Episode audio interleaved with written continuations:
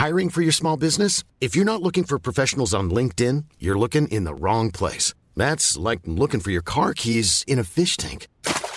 LinkedIn helps you hire professionals you can't find anywhere else, even those who aren't actively searching for a new job but might be open to the perfect role. In a given month, over 70% of LinkedIn users don't even visit other leading job sites. So start looking in the right place. With LinkedIn, you can hire professionals like a professional. Post your free job on linkedin.com slash people today. Mom deserves the best, and there's no better place to shop for Mother's Day than Whole Foods Market. They're your destination for unbeatable savings, from premium gifts to show-stopping flowers and irresistible desserts. Start by saving 33% with Prime on all body care and candles. Then get a 15-stem bunch of tulips for just $9.99 each with Prime. Round out Mom's menu with festive rosé, irresistible berry chantilly cake, and more special treats. Come celebrate Mother's Day at Whole Foods Market. Mandolino s'alzerà, tutto il cuore esploderà. Ale, ale, ale,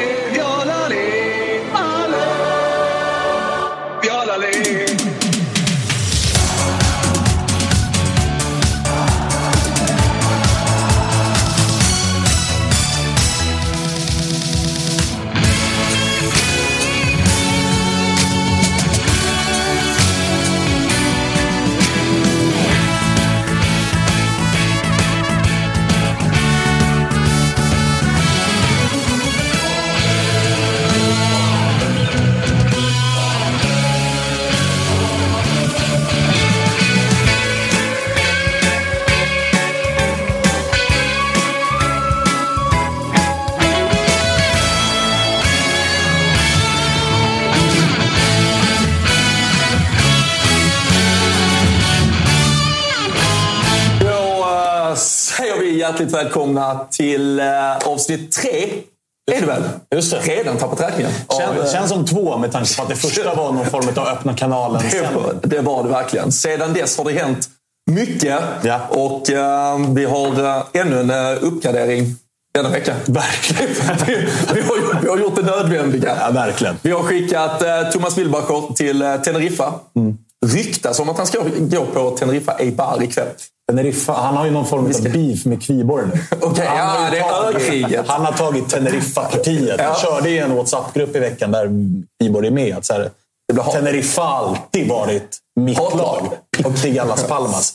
Så det, det, är- han ska absolut på fotboll. Las Palmas kanske kommer upp på hatllistan ikväll. Eller ikväll. Senare idag. Ja, verkligen. Vi ska ringa upp Verkligen. eh, Thomas. Det känns väldigt mycket Thomas att göra ett derby av allt. Ja, Ja, ja. Han måste alltid ha en rival. Exakt, annars så kan han inte gå in för all-in.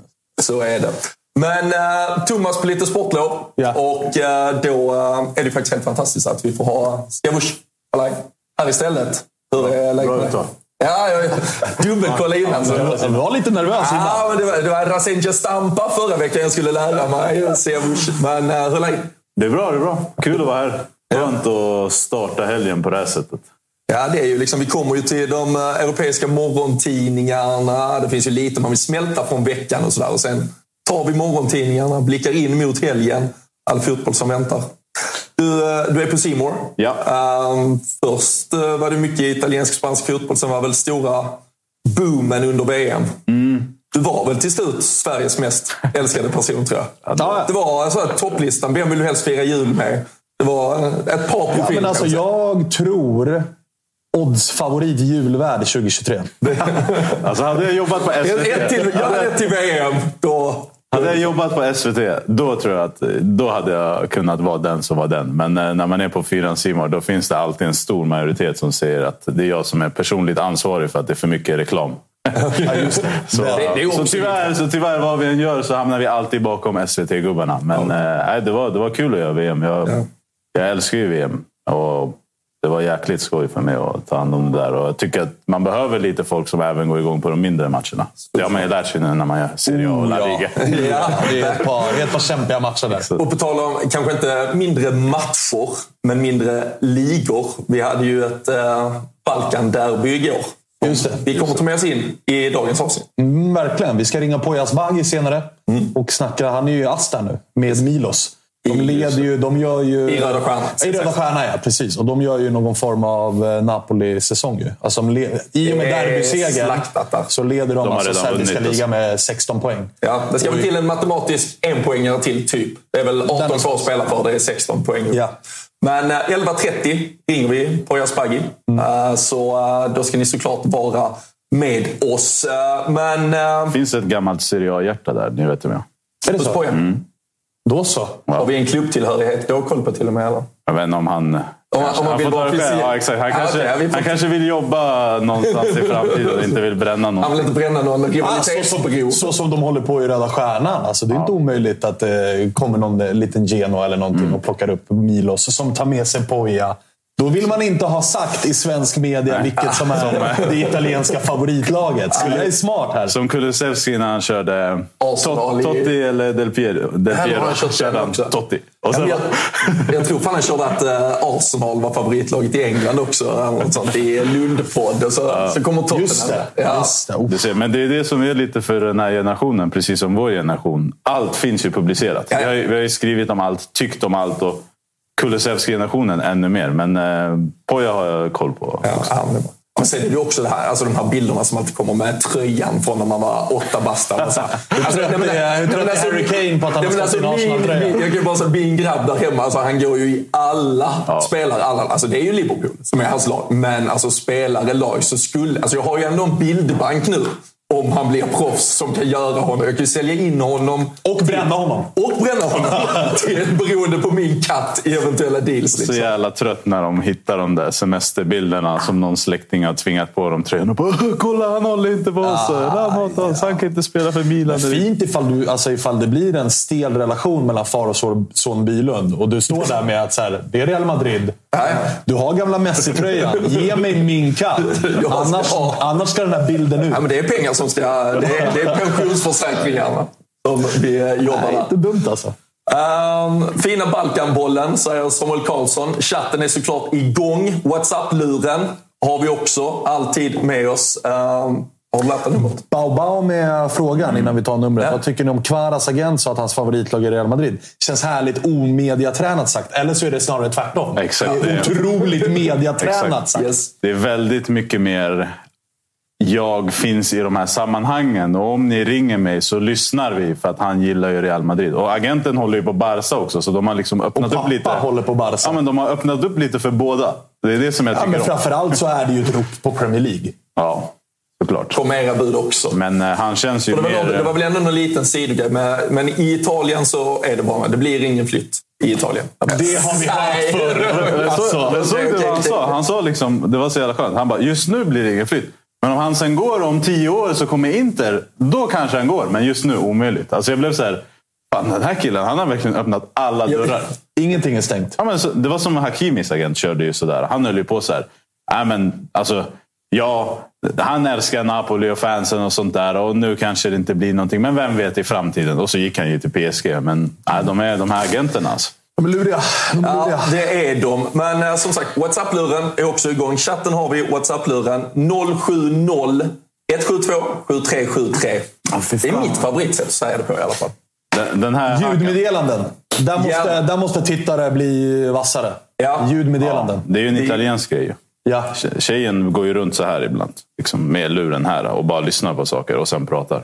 Det är ju Och så det- skickar det- de det till varandra också. Ja, liksom. Det är ju det man vill komma ut. Alltså, då slipper man hålla på och skriva. Skicka ljud, går man runt och lyssnar lite och så skickar man Det tillbaka. jobbiga är att när jag får mina ljudmeddelanden från liksom, bekanta i... Alltså, du, Man de är, vet ju inte vad det är för kvalitet Nej, på men det-. De är ju ofta liksom mitt ute. De går på trottoaren i rusningstrafik och det bara tutar och blåser. Och man är så här, du, jag pratar heller inte flytande. Så att Nej. du kanske inte ska tuta i bakgrunden i, i liksom hundra gånger, för då fattar man inte ett ord. jag såg att någon snackade om Chalanoglu, den här intervjun, när han säger att han är topp fem på sin position. Alltså jag vill säga en sak. Han måste sluta prata. Alltså han måste sluta prata. Chalanoglu? Ja, fan vad jag stör mig på att han, han, han har den här grejen han alltid snackar. Och sen händer det något dåligt en vecka efter. Eller tre dagar efter. Det, det, räcker. det var ju också så här, ni visste ju det. Ja. Alltså, han är all, han är Jo, men så här, sluta prata. Lär dig. Alltså, Ja. Fan, saknar Conte. Alltså. Vi, eh, vi Långt från köris. Långt är från köris är vi. Eh, vi, ska, vi ska komma till ettorna först, men jag tänker ändå, när vi dessutom har... eh, Det är svårt att säga att vi har ännu mer Italien-fokus än eh, vad vi hade för, förra veckan. Det är alltid Italien-fokus. Men vi satt ju här faktiskt i, eh, i sofforna förra helgen och pratade om en Zlatan som inte riktigt visste vad det skulle bli av den här. Skulle det bli comeback ens? Vad skulle hända? Jag sa väl att det var över? Ja, jag tror det. Och Gick det ett dygn? Sju, ja, det var inte ens ett dygn. Det var sju timmar senare. Det är du och Tompa som jobbar det där alltså. Men, Nej, alltså, jag, det är ju bara för att mentalt förbereda mig på att det är över. Jag vill ju inte... Jag vill, har ju inte velat bygga upp att det finns en comeback. Nej. Så därför blev jag, jag blev nästan rörd när jag kommenterade. Att, det här är bara början.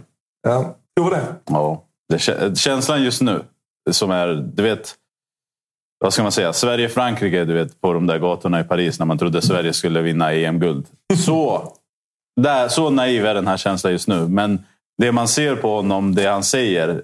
Man vill tro att det här bara är början. Och jag jobbar ju i EM24. Jag jobbar ju, alltså det är det enda jag vill och det är väl som du säger.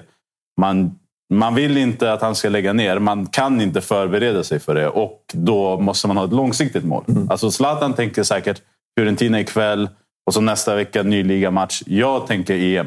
Jag ja. tänker EM-guld. Jag, har, jag har noll broms. Jag måste ha ett långsiktigt mål. Och... Men vad, behöver, vad är det, om vi då drömmer lite, mm. uppenbarligen. Men vad är det? Du tyckte inte han gjorde det nu? Eller? Jo, men alltså, guld, men det får, Last Dance, dokumentärer, böcker. Alltså, du vet, vi återupplivar vad, vad, behövs, vad, vad, behövs i vår för det första för att... Eh, eller är han i maktpositionen och säger att jag är redo, jag vill ha ett nytt kontrakt? Får alltså, han ett nytt kontrakt? Eller? Det som behövs är icke bakslag. Mm. Alltså that's it. Mm. Han behöver få gå... För det här är ju bara process. Alltså innan han hoppade in här mot eh, Atalanta senast. Gör, han hoppade väl in i typ 74 eller någonting. Mm. Det, han gör ändå 20 mm. minuter. Och ser faktiskt förvånansvärt liksom, lätt ut. Mm. Sen var det ju, man, man såg ju ganska snabbt att så här, tajmingen är inte där och vissa bollbehandlingar var sådär mm. och det var lite hybris. Men det var också fantasi med lite klackar och grejer Exakt. som var så här okej, okay, still got it. Mm. Men allt som behövs nu är ju kontinuitet mm. i träning. Följa den här, den här processen som är upplagd. Och så här, anledningen till att jag tappade hoppet var ju också att så här, veckan innan Atalanta, eller tio dagar innan Atalanta, han var nere och tränade med Maximilians lag. Ja. Alltså, då är man ju så här, Okay, också när han satt på bänken de första matcherna, men inte ens fick två minuter. Nej, och så här, att, den så första matchen han var på bänken mot Torino, han värmer ju inte ens upp. Mm. Och vi såg bilderna när han kom ut ifrån bussen. Alltså, det var så här, du haltar ju. Alltså, du har ingenting i en trupp att göra. Och då var det ett Milan som hade sju raka torsk.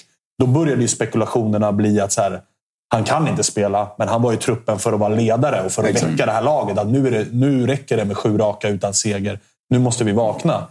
Och vi såg matchen mot Monza. Visst, där var han uppe och värmde, men det var ju snarare att han var ass. Ja. Alltså, han stod bakom Pioli och stod och skrek på laget. Och... Men det man ska ha med sig är att han, är, han börjar bli till åldern. Han är nummer tre. Alltså just börjar bli till åldern. Är, ja, han har ju skrivit om åldershistoria. Ja, alltså, han, han, han, han är ju yngre än man kan tro. Du vet, han är helt klart och tydligt nummer tre. Han går bakom Giro och Rigi och det är där han måste kämpa sig upp. Alltså, tyvärr så är han inte där han kan bara säga jag är frisk, jag spelar. Eh, han måste jobba sig förbi de två som har gjort det. Alltså, Giro är otrolig och Rigi har varit ganska svag. Men det är där han är i hackordningen och det är också där när de byter system till 3-4-3 och Malik Chow kommer in. Då är det Chow som går före Zlatan och jag måste säga en sak. Alltså, Big balls Pioli droppar Zlatan på Champions League-listan. Ja. Tar in Chao, vinner tre fyra raka nu, håller nollan. Han ser ut att vara den expecting och Zlatan får eh, värma ligan. Och jag tror 20 minuter efter 20 minuter, för det man ska ha med sig om förra matchen är att det var Atalanta. Atalanta är ett fysiskt gäng. De är jobbiga att möta. Det kommer smälla. Och är, har du någon sorts rädsla, då spelar inte han 20 mot Atalanta. Så man måste säga att det är ett gott tecken. Och Sen så var matchbilden också bra. Men, men blir inte hela Champions League-listan egentligen ännu märkligare nu? Om han dessutom alltså, gör typ 20 minuter ikväll. Tottenham gör 1-0, det står 1-1, allt står och hänger på Att, att han minuten. inte är med i, i Champions League talar ju för det som Sia var inne på. Mm. Att det finns en långsiktigare plan än den här våren med Zlatan. Mm. Mm. För att hade det varit en kortsiktig plan och han kan spela 20 eller 10 mm. eller 15. Men hur lång och kort är den då? Spelare 25, måste, han måste väl ha mer X-faktor än spelare 25 i en Milan-trupp? Om det står och balanserar. Alltså det är möjligt, men jag tror att signalen är att så här, vi kan inte ha dig... Alltså ska vi spela... Jag tror, så här, jag tror att Milan också känner att Tottenham på förhand vi kanske åker ut där. Alltså är du med? Att så här, fokus på... Jo, men alltså, fokus... Det är jävligt dåligt. Ja, men såklart det är det. Men alltså att fokus på att ge han ligan. Där, där ges han också möjligheten nu att låta Giroud vila lite grann. Så att Giroud är toppklass när det är Champions League och kan spela 90 minuter. Men samtidigt kommer ju ligan vara en lika stenhård kamp om den där fjärdeplatsen. Det, alltså med, med tanke på det jävla getingboet som Det är en helt annan sak eh, i Serie A. Alltså, jag älskar Serie A, men tempot, fysiken. Zlatan är fortfarande en toppspelare i, det, i Serie A. Alltså i Champions League mot de här lagen med tempot som är... Christian Romero sätter ja, honom så är han... Det, det blir, ja, ja, det är ju invalid. Liksom. Det blir en helt annan sak. Sen så tycker jag inte heller liksom att... Alltså så här, när Zlatan börjar komma tillbaka, vi snackar nu är det början av mars. Alltså tills han eventuellt är i form pratar vi april. Ja. Alltså, han gör 20 minuter nu, han kanske inte ens får 20 minuter idag. Men tanken är väl att han ska starta spela 60 mm. om en, två, tre omgångar. Det är där du vill ha honom till slutet. Och då är han ju överlägsen. Alltså, det, finns, det finns en anledning till att de här äh, typen av äldre spelare fortfarande går bra i Serie A. Och en del av det är att fysiska spelet är inte i närheten av till exempel Premier League. Alltså där, där är vi. Så jag måste säga, jag, jag, tror att det här är bra. Jag tror att det är bra att det finns en långsiktig plan och jag tror också att vi kan inte vara där vi säger så här, vet du vad, Zlatan ska slå rekord. Han måste vara med i Champions League-truppen. Alltså, det finns ingen tid för sånt för Pioli. Nej landslagstrupp som alltså, måste väl vara en dryg vecka, tio dagar bort. Sverige, Belgien sen 24 mm. mars. Lukaku, Zlatan, ja. åter, återslag. Rond tre. Men om, han, om vi fortsätter tro att han max egentligen kan spela 15-20 minuters mm. inhopp, men tror ni ändå han är med i truppen? Nej. Men han, jag tror att både han och... Men vill man, om det nu ska byggas något lite nytt landslag inför ett EM24, ska inte han vara på plats redan? Men han... Nej, men jag tror, jag tror att både han och eh, Milan säger att... Alltså, Janne vet vart han har mm. honom. Truppen, den grundtruppen, vet också var de har honom i och med att han var med förra året. Han ska nog fokusera på de här stegen han ska ta för att bli redo fysiskt. Och Jag tror inte att det är en del av den planen att komma till Sverige och vara en del av en landslagstrupp nu. Med den cirkusen som blir. Jag tror att han har mått ganska bra av att själv få styra sin egen cirkus som han har fått göra i Milan sen den där scudetton. Att han har ju mer eller mindre Alltså stora stunder i höstas, han har inte ens varit med laget. Nej, utan han har ju verkligen exakt. tagit avstånd och så här, låt mig mm. göra det jag ska göra. Nu gör laget sin grej, ja. jag kan inte påverka. Och Jag tror att man känner likadant i ett landslag. Att mm. Kan inte jag komma dit och vara den avgörande spelaren mm. som jag ska vara om jag representerar ett landslag, då kan jag lika gärna låta landslaget bygga i fred och sen kommer gärna tajmingen är rätt. Jag tror, jag tror han kan bli uttagen. Men det som är intressant att se är hur mycket får han spela. Alltså jag tror Belgien kört. Alltså vi snackar Isak och grabbarna som kommer gå före. Men att ha med honom i truppen, mm. ledaregenskaper och så, utan det här kravet på speltid. För jag tror också att han är i en situation där han behöver speltid för att komma i form. Mm. Och Belgien känns... Vad är andra matchen? Azerbajdzjan eller något sånt? Nej. Vad har vi? Ja, jag kommer inte ihåg exakt vad det är. Men det är Man är svag på landslagsfotboll. Ja, det, är en, det, är en lätt, det är en lättare ja, andra match. Ja. Och där, beroende på hur det ser ut, då kanske det kan bli ett par minuter. Och det tror jag är bra för Milan. Problemet är att Zlatan, han kan inte riskera att bli skadad. Alltså, han kan alltså, vara med skulle han bli skadad mot Azerbajdzjan? Alltså. Alltså, då, då, då kommer det blåsa alldeles för hårt kring honom. För ja. att Milan betalar ändå hans lön. Alltså. Så jag tror att han kommer bli uttagen. Alltså mediacirkusen i Sverige landar i Stockholm, ja. check in här. Eh, alltså, jag, tror att, jag tror inte att han behöver landslaget just nu. Mm. Och, alltså, och jag tror att det är ömsesidigt. Ja. Han behöver inte landslaget, landslaget behöver inte honom just nu. Men han jag behöver de... speltid. Alltså, jag tror att två veckor nu utan speltid under landslagsuppehållet Mm. Uh, det, det, alltså, om han ska vara i form till efter. För annars så kommer det bli samma sak igen. Två veckor, ingen speltid och sen måste han starta om. Alltså, jag tror att det skulle vara bra för honom att få två gånger 20 eller en gånger 15 i alla fall. Men, se vad, hur Janne, Janne tänker. Vad Milan Janne har väl sagt att han ska med. Alltså att han värdesätter... Att han är en del ja, av liksom, det nya landslaget. Låt oss konstatera, det är inte över i alla fall. Nej, nej. Det är alltså, det inte. Nej, nej. Och det snackas ju fan förlängning. Ja. Alltså det är bisarrt. Ja. Det är, det är helt sjukt. Och han vill ge upp sina pengar för att behålla Leao. Alltså sundhetstecknen, pappapoängen hos Zlatan bara rullar in. Alltså. ja, det rullar in lite på Whatsappen också, men den, eh, vi kommer tillbaka till den. För um, ja, Det var lite återblick på vad som har hänt i veckan. Men uh, för att ta oss uh, lite sats in i helgen så ska vi till vårt segment där vi tar oss runt i Europa kikar in första sidorna på vad som väntar och eh, det gör vi tillsammans med Paperboy och Rasenja Stampa. Ras... Rasseng... Vad sa du att det hette, sa du? Lo troverò quel deficiente prima o dopo. Eh. Rasseng... Fan. Sono eccessivo, mi sono distratto sì. Eh. Rastegna Scampi. Metti una roba, tutto, metti... Dio porca madonna di Rassegna Stampa. Yes, Rasenja Stampa. Eh, den lite italienska övningen ser jag. Kolla, kolla första sidor. Vi, ja. vi konstaterade förra veckan. Linjär tv och papperstidning. Det är, det är väldigt mycket Italien över det. Ja, de, de kör ju oftast papperstidning i linjär tv också fortfarande. Det är, det är intressant det där. Sitter och bläddrar. Ja, man sitter och visar fram så som vi gör nu, fast på liksom stora kanaler. Det, det är jäkligt... Inte tv kör ju de och Milan TV. Det är på ungefär samma nivå som italiensk tv-produktion. Helt otroligt. Ja, fantastiskt. Men, uh, I alla fall en syditaliensk tv-produktion. Den är, det, det, det, det, det är det det massa dans och sång. Och... Ja, i och för sig. Ja. Um, ska vi fortsätta i Italien eller vill vi ta oss ut i Europa? Det finns ingen anledning att lämna. Nej, nej vi, vi, vi, vi betar av Italien. Det var lite fotboll igår. Jag vet inte om det är något som kommer upp på de uh, italienska första sidorna idag. Vi ska se vad vi har. Ja, det är Napoli. Gazettan. Mm. Backa Napoli, krossa Napoli. Ja. Eller Napoli krossar den. Vilket ju också är en... Vesino. Det är ju också en ordlek i och med ja. att Spacca Napoli är ju... Alltså det används ju uttryck i ett område också i, i Neapel. Så den är väl, det är väl en fyndig första sida med dubbel andemening som de brukar vara ganska mm. bra på där, där nere. Det blev säsongens andra ligaförlust igår. Ja, och äh, det, det ryktas om att äh, dina vänner nere i Italien ber dig hålla dig borta nästa helg. För nu.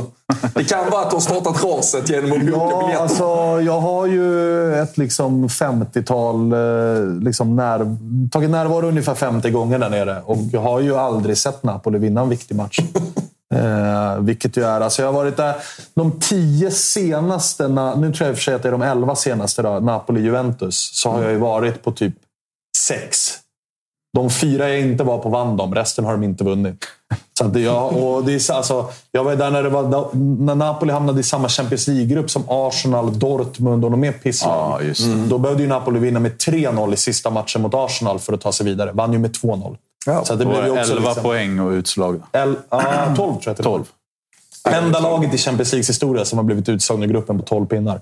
Det är ett rekord. Borde firas med en tröja kanske? Ja, det, det, kan nog komma. Och, det var, komma. var det inte två gånger om det hände? Jo, två gånger. En ja. gång med Benitez och en, en gång med Sarri har Napoli ja, åkt ut på 12 pinnar tror jag. Ja, eh, nej, men så det, det, är klart att de har... Nu, nu vart det, vart det livat här. Men det är klart att det är... Eh, man har fått... Jag, jag skrev ju till en polare där nere så här, för typ två, tre veckor sedan. Du, jag kommer på Napoli. Han vet ju om min historik också. Jag bara, du, jag kommer på Napoli-Atalanta. Hans enda svar var, varför? Han har skrivit ner. ja, ja, ja. Eh, så det, det, är klart att de inte är jättepeppade på att jag kommer ner, men... Men hur ser du? Var det ett Napoli som eh, alltså, har tankar på annat? Eller var det bara Lazio som gjorde det jättebra? Alltså, eller? Det är väl delat, men alltså, Napoli ställer bästa laget på plan. Mm. Men framförallt så är det hatten av till Sarri som taktiskt får den här matchen, inte dit han vill, för det är inte den fotbollen Sarri vill spela. Mm. Men han Romagnoli är ute efteråt också. Bara våra taktiska förberedelser inför den här matchen har varit minutiösa. Alltså de har varit, mm. Vi har verkligen studerat Napoli och hur vi ska stoppa dem. Och Det var ganska tydligt vad de gjorde. För Napoli är ju antingen ut på kanterna, där Lozano mm. eller Kvaratskhelia utmanar. Där ställde Lazio ytterbackarna väldigt brett, alltså nästan en man-man. Mm. Man skickade ner Vesino lite grann. Och sen när, Napoli, när lag gör det mot Napoli, då är det tidiga bollar in på Osimhen som gäller. Mm. Men då flyttade Lazio ner Vesino så att de blev tre mot en mot eh, Osimhen. Så att de tidiga bollarna togs också bort. Så mm. Jag tycker att Lazio, hatten av. Alltså, mm. Perfekt genomförd match. Napoli hade ja. jättesvårt att skapa klara målchanser, även om de hade mycket boll. Så att, mm. Visst, alltså, då... ett rättvist resultat hade nog varit oavgjort. Ja, för det är ett jävla drömmål Vesino gör. Det var det jag tänkte komma till. Alltså, jag tycker inte... Alltså, jag ser liksom inga katastrofrubriker på den där matchen igår. Jag tycker liksom Napoli gör en ganska svag match. Tidigare matcher kanske de har gjort likadant. Kvar och Simen har, har löst det. Men igår möter de ett lag som...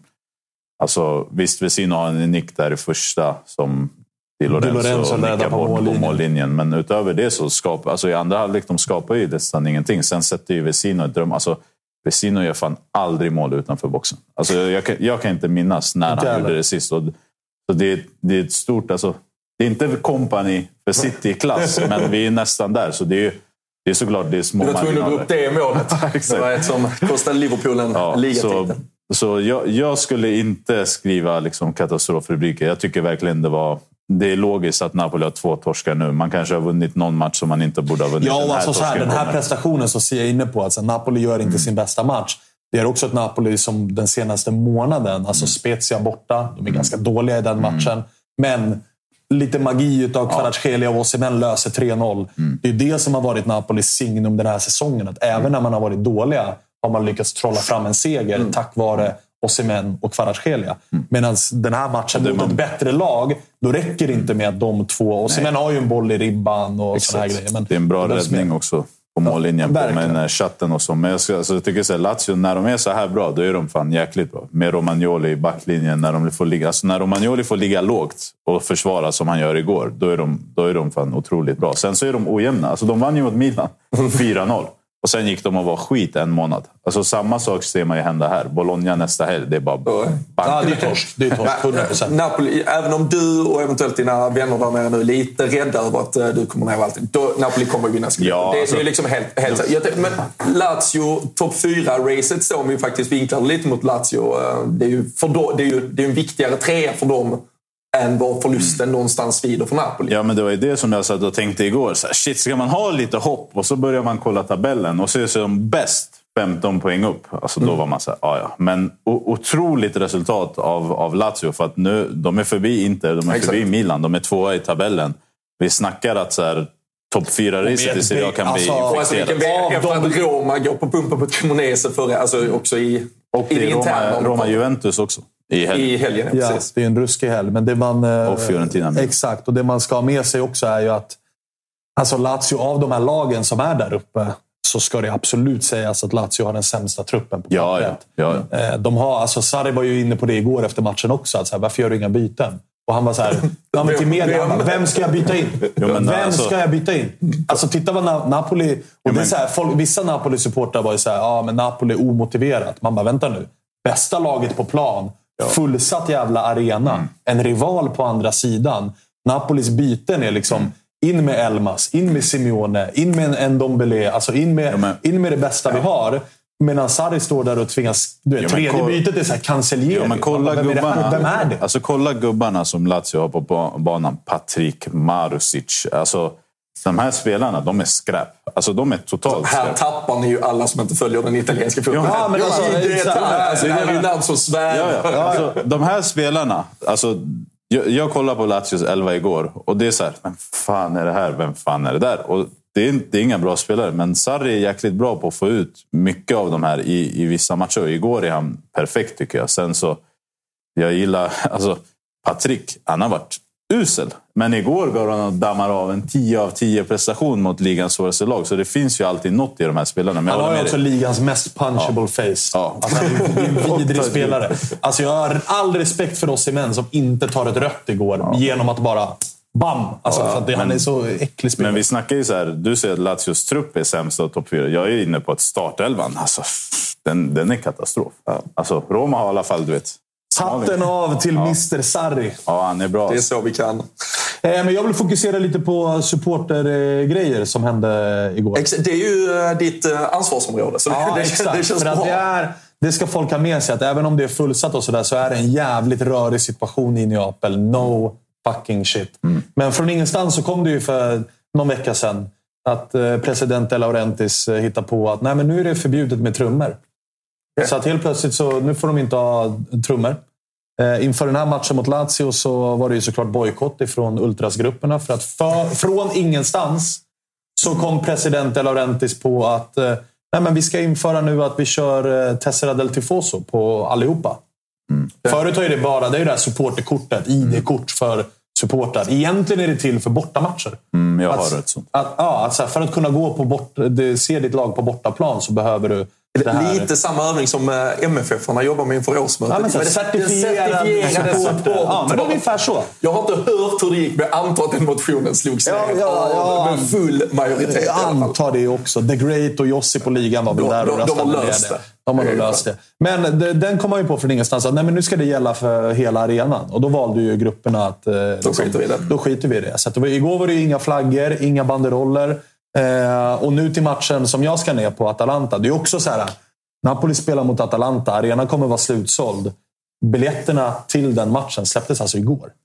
Alltså en vecka till avspark. Då släpps biljetterna. Ja, det och, och ingen har någon aning om... Nu är restriktionerna hävda igen. Nu tog han bort det. Så att det är fort, alltså situationen i Neapel är fortfarande extremt rörig. Och den, ena, den, den eh, kurva vi nyss såg bild på, kurva ligger ju också i ett eh, krig med Roma.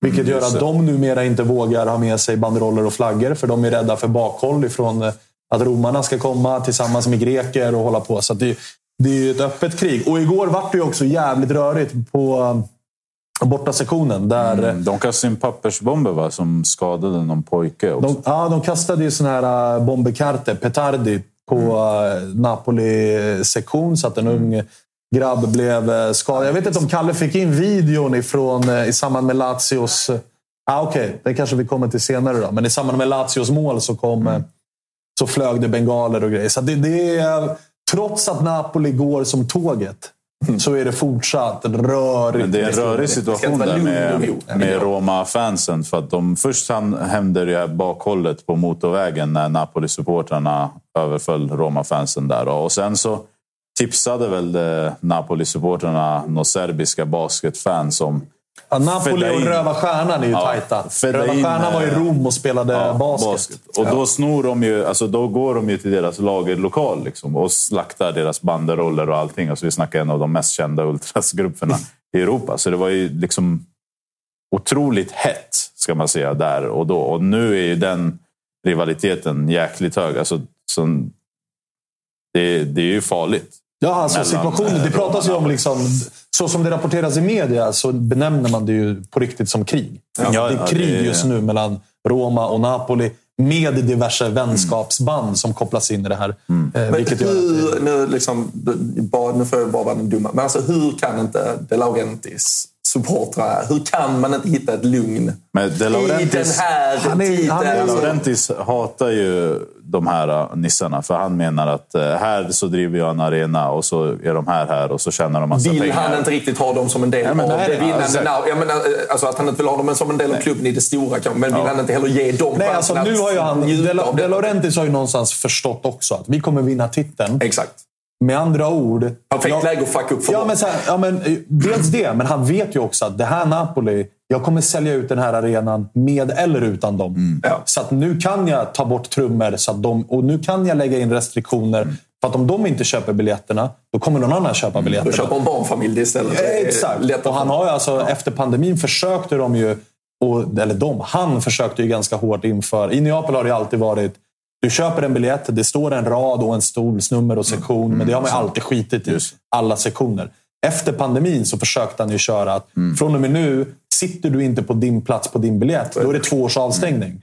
Och då var det ju också en rörig situation. Så Det att finns ett eh, bra klipp med De Laurentiis när han snackar om kokainomsättningen inne på São Paulo. Han, menar så, han tycker att det är helt, såklart, helt orimligt att massa fans, alltså säkert med maffiaanknytningar, vissa, det är inte bara Napoli, det är liksom hela Italien, ultras.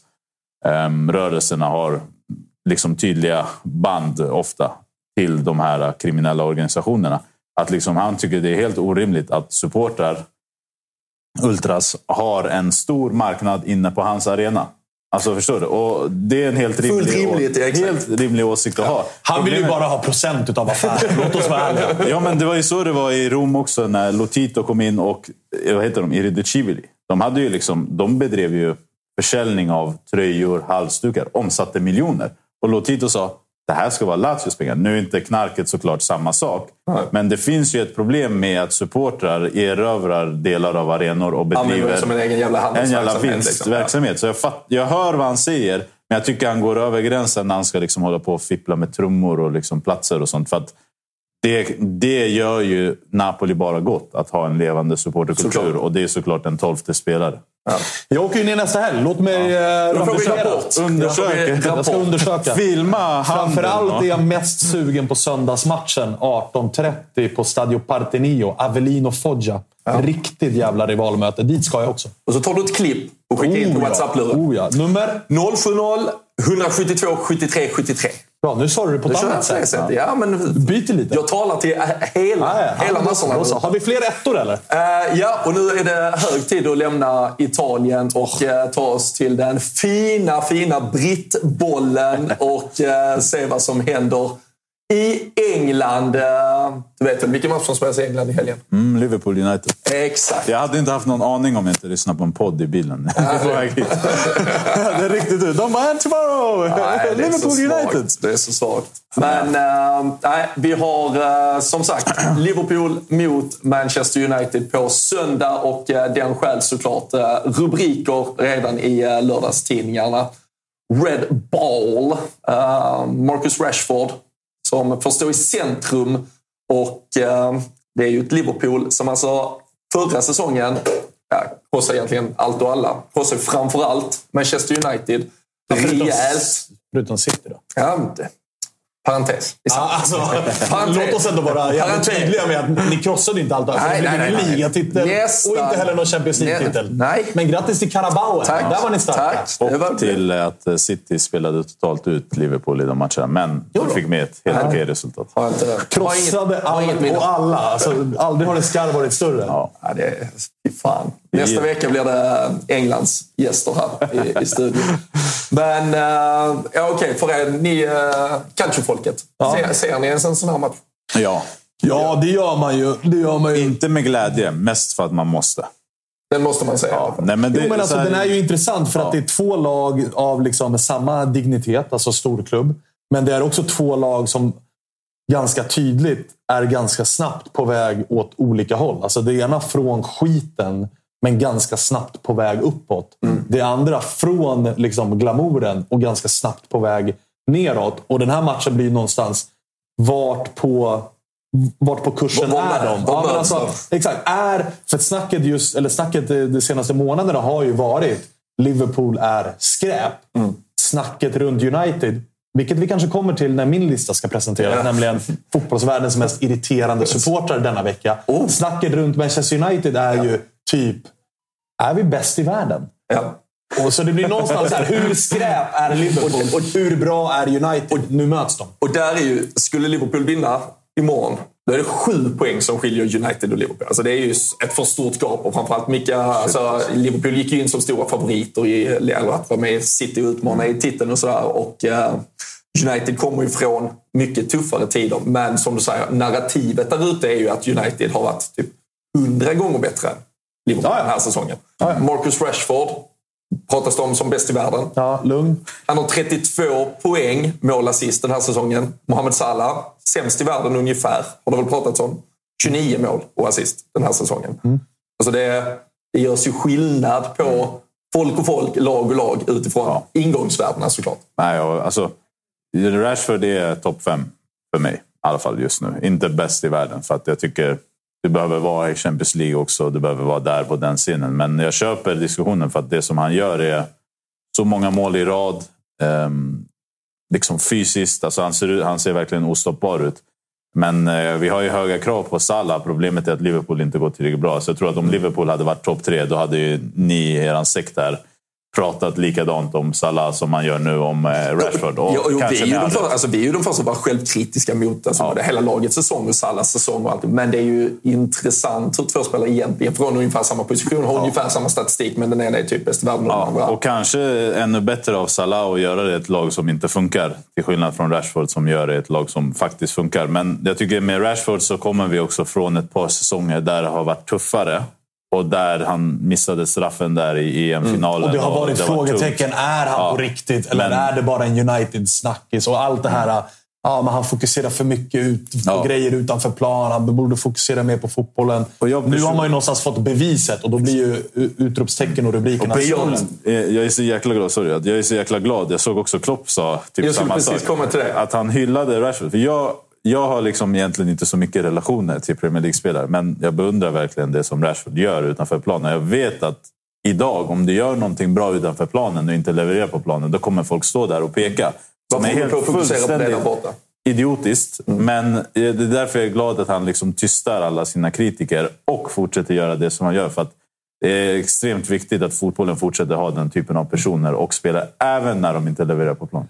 Och det blev ju det blev, ingen stor men det blev ju ändå lite diskussion om man tog från Liverpool-håll igår. För på presskonferensen som du säger så går ju Klopp ut och det är ju det stora rivalmötet såklart. Det ska ju vara någonstans någon form av sund hat och hets mellan de här klubbarna. Men på frågan då om Rashfords säsong så pratar ju Klopp om att, att det, han tycker det är kul att se att han liksom lever ut sin fulla potential någonstans. Det är ganska ovanligt ändå att en tränare lyfter... Alltså för det här, det var inte heller bara lyfta upp honom för att låta han tro att han är något och så ska vi ta ner honom på marken. Utan Nej, det var ju verkligen genuint att han var glad för en rivaliserande spelare att det går bra för honom. Och han har ju koll på sin sekt, så han brasklappar ju lite innan och säger så här. Jag är Liverpools tränare, jag har varit här i sju år jag ska egentligen inte säga något positivt om Manchester United. Men är det någonting som är positivt så är det eh, det här med Rashford. Och jag tror att eh, det är förståeligt även för Liverpool-supportrarna. Och det man ska ha med sig är att de är också engelsmän. Så de tjänar ju också på att Rashford är bra. Men nu imorgon så kommer inte det betyda ett skit. Alltså då vill de ju att När han vad snurrar upp han, Trent eh, och glider in. Så bra att Klopp ändå var på tiden att han visade en icke-arrogant sida. Va? Det var ett tag sedan. Ja, han har varit sur eh, väldigt länge. Men, eh, han, alltså Han all rätt sig. Han borde vara Ja. mest sur på sig själv. men man har ju glömt hur skön Klopp kan vara. Alltså, han, jag, jag har ju liksom alltid älskat honom. Och för att han har varit så jävla genuint skön. Men hans sämsta sida kommer ju förståeligt fram när det går skit. Ja. Eh, så, så här, det var skönt för mig att påminnas om att det här är den Klopp som jag älskar. Sen så tror jag att det är, det är mycket snack om honom. Men Liverpool ska ju hålla hårt i honom. Herregud. Alltså, Det- och jag har förstått att han är jäkligt omtyckt och det är liksom ingen Potter-diskussion i Liverpool. Nej, alltså det har ju varit en icke... Alltså det, det blir ju... Eh, Nej, men det, det ska bli kul att se matchen. ju. Faktiskt. I och med, att alltså, Liverpool, nu vann ju Liverpool senast, men jag kollade, kollade kanske inte helhjärtat på matchen, men jag kollade med åtminstone ett av mina två ögon. Och eh, ser ju inte bra ut alltså. Nej, det ser, han har ju lagt väldigt mycket fokus på att sätta försvaret nu. Nu har du trott, Ja. Ja, det var ju fem mot Real Madrid, men på varsin sida om den så är det ju två hållna nollor. Alltså fyra totalt i ligaspelet. Får väl- Men United är fan imponerande. Alltså. Jag, jag måste säga att jag såg inte det här komma. Jag, jag skrev en krönika i början av säsongen när jag sa så här. Ten Hag, hur fan ska han lösa det? Kommer från sitt jävla Ajax som är som BP. Alltså du vet, trygg Ja. strategi, trygg miljö. Systemet unga är där. spelare. Systemet sitter. Det sitter från alla jävla ungdomsled. De har en strategi. Van der Sar är där som känner till klubben. Kommer till United. Du spenderar stora pengar. Två stora torsk. Ronaldo-situationen. Och nu så står vi här och så tänker jag så här. Du vet, inför finalen där. Alltså, jag kände bara så här. Det finns inte att de torskar. Det finns inte. Och det är den, jo, nej. jag är uppväxt med det United. Ja. Liksom, Som man bara vet i en final att de vinner. Det, det löser sig på något jävla sätt. Och den känslan, alltså wow. Och jag, jag måste säga att jag är imponerad av att han har löst det så jäkla bra. Och jag är glad över att liksom Rashford har Cristiano Ronaldos nummer. Alltså för att det man snackade om förra året var så här, Ronaldo gjorde så här, Ronaldo gjorde hit. Och man bara, ja. Men, Nej, han men alltså, ju- på tal om big balls. Det är big balls att göra det United gör. Mm. När man samma säsong också valt att sparka Cristiano Ronaldo. Mm. Alltså, Sen var ju det... Ja, jag, jag tror väl att de flesta utifrån så att det var det dök den rätta ordentligt upp här också. Ja, Men han ville ju Ja, ja, dra hela men även om sommaren. det är rätt val så är det ju en tuff ska göras. Det ska göras. Det ska göras. Och eh, det är ändå Cristiano Ronaldo Jo. vi pratar om. Men att det händer liksom under säsongen. Alltså det finns ju klubbar som har tappat mycket mer på grund av det. Alltså kolla på Juve till exempel. När Ronaldo lämnade. Nu var ju det Men då var det ju visserligen... lagom bra Ronaldo också kanske. Ja, men, säg att det var kort kvar. Av säsongen. Det var ju en stor dipp. De ersatte ju inte honom. Alltså, nu pågår det här under säsongen. Först så bråkar han i hela transferfönstret. Sen så bråkar han hela säsongen. Divar sig, lämnar planen och sånt där. Och jag tänker så här, fan det här det kommer bli skit i omklädningsrummet. Ehm, Ja, Men det löser Alltså, även om, det är ju ett lättare beslut att ta när du ser att det inte är någon sportslig riktig förlust i att ta beslutet. Såklart, det är ju en men sak det är om ju- han vecka efter vecka gjorde Men två kassar men ändå stod bråkade. men det är ju Men också en. Ten Hag Alltså- som kommer från det Sia är inne på. Han kommer från Ajax. Han har aldrig varit på den här scenen. Han har aldrig varit på den här nivån. Han har aldrig varit i den här typen av omklädningsrum med den här typen av karaktärer. Och det första han gör är mer eller mindre att Ronaldo, varsågod. Där är bänken för dig. Men du vet Alltså- ju, det är det jag menar, du vet ju liksom inte vem Cristiano är. Alltså, du Nej, vet att nej, hoppar han in och gör mål, det kommer bli snack. Men om du bänkar honom också, vad händer? Alltså, så länge Det som räcker med att bara bänka honom så vet du att det kommer vara snack. Ja. Det är Så att alltså, sparken är ju en resultat utav att från början har varit modiga beslut ifrån Ten Hag. Att så här, du är ingen, Och kan du är ingen gräddfil här också, för att va? du är Cristiano Ronaldo. För försovning eller något sånt där. läste. Ja, det var, det var de här klassiska i början. När man förlorade det var 4-0 folk. mot Brentford. Då skulle man springa alla kilometer man hade sprungit mindre och lite Ja, just det, att, att han själv var med och sprang. med och sprang det, själv. det, det där var lite töntigt, det håller jag med om. Men det där är ju Klopp-grejer. Ja. Så Teatraliska... Ja, Alltså, men, men att han bänkar Rashford i toppform när han hade försovit sig, för att sätta exempel. Ja. Och att han petar Ronaldo och hanterar det på det här sättet, det hade jag aldrig förväntat mig. Alltså, han, i alla fall, alla tvivel som jag hade har han tagit bort. Om jag har tvivel, då fattar jag liksom att... Så här, alltså om jag har tagit honom till min kärlek, då fattar jag att han måste vara kung i, i Manchester. Sen är det inte... Nu, eh, de eh, gick ju vidare i veckan också, FA-cupen. Och då... eh, då Vände, just det. Och, men, och det är ju lite synd här om Lindelöf kommer ju iklädd. För här startar de ju Lindelöf, Maguire, Ja. McTominay tillbaka på mittfältet. Det var ju det som var deras alltså, hjärta defensivt förra året och har varit ett par säsonger. Och då såg det ju jätteilla ut igen. Man låg under med 1-0 mot West Ham. Det höll på att gå åt helvete. Så man visar, alltså, Lisandro Martinez, Varan, Casemiro. Den triangeln. Man kan säga mycket vassare. om Ten Hag. Såklart, han har ju lagt sitt hantverk på det. Men det är också att han har fått in extrem kvalitet. Ja, men alltså, Som han har gjort mycket bra av. det Såklart. är ju till beslut där med Maguire. Alltså, Ja, jag, jag har ju det, tyckt det han har också bara varit ett beslut som någon borde ha tagit de senaste exakt. fyra Oh, åren. ja, men det är ingen som har gjort det. Nej. Alltså, det, är det som, och, okej, de kanske inte haft Lisandro och Varann, men alltså, Maguire har inte, för mig i alla fall, varit tillräckligt bra för att spela på, för United. För han även, är, även innan Lisandro Ja, Martinez. Men han är en lyx att ha, tycker jag, som trea, fyra. Alltså med fysiken han har, med hotet på fasta Jo, och och det, och det är en perfekt mittback att kasta in. Och leder du med 2-1 borta mot Liverpool och det är 10 kvar. Brunka Kasta in honom och liksom. ställ honom i straffområdet. Och nicka. Alltså, vi pratar om Romagnoli i Lazio. Det här är ju samma spelare. En, liksom, han vet inte ens om han är höger eller vänsterfotad. Men han kan nicka och, Och sen- stångas. Casemiro är ju nämna. alltså Jag tycker så här, det här visar bara att vem Ja, men som det helst är väl kanske säsongens bästa värvning. Ja, men vem som helst som du kan värva från Real. I England. Ta honom. Alltså, I England. Ja, Ja, vilken exakt. värvning är bättre då? Kvara. Kvaratskhelia. Ja. Lite bättre. 10 miljoner euro.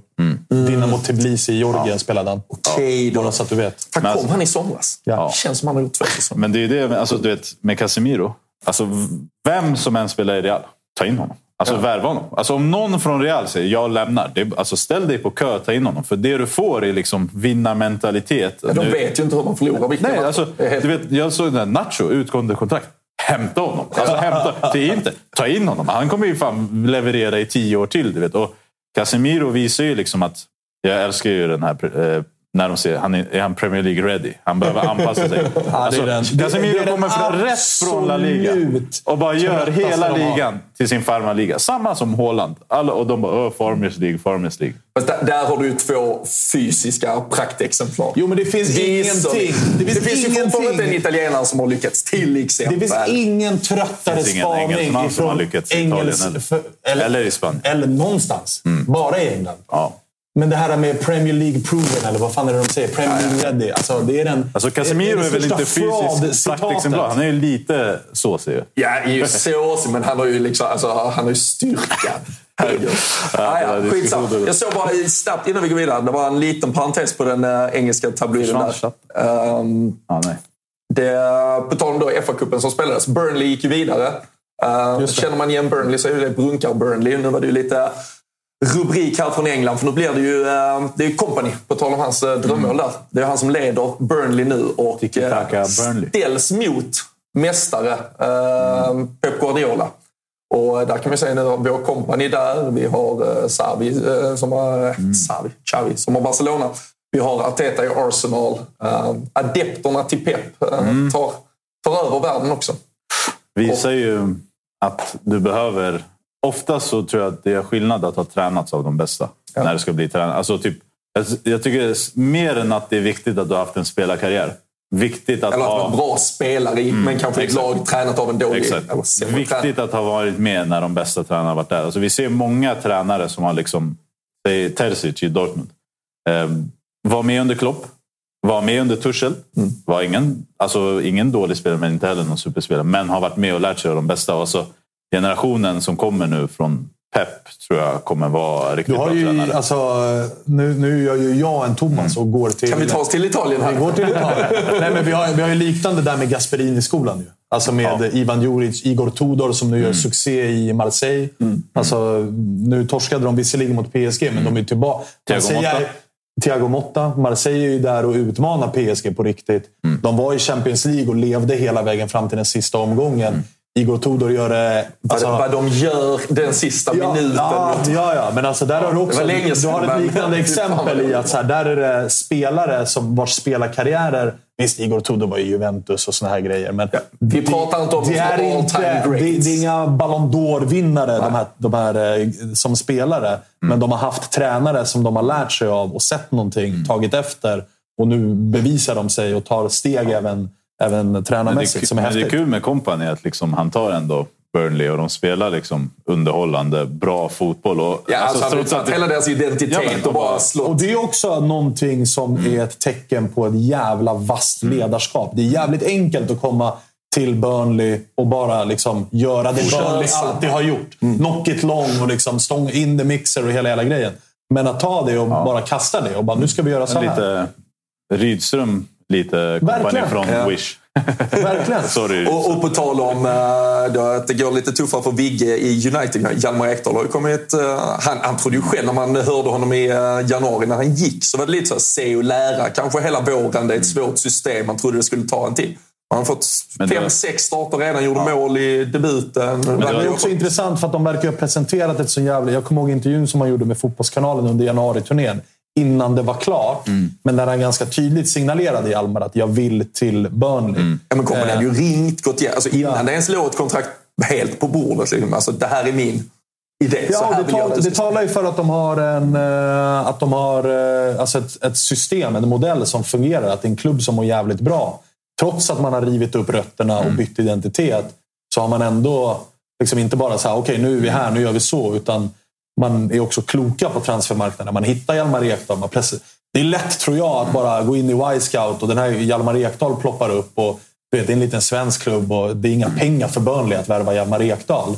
Men att man ändå, kompani ringer, man presenterar planen. Så här, vi ska, du ska in i det här och direkt in. Så det, det, Men dagens spelare är mycket mer pålästa innan de går. För att de har lärt sig av... eh, Inte alla.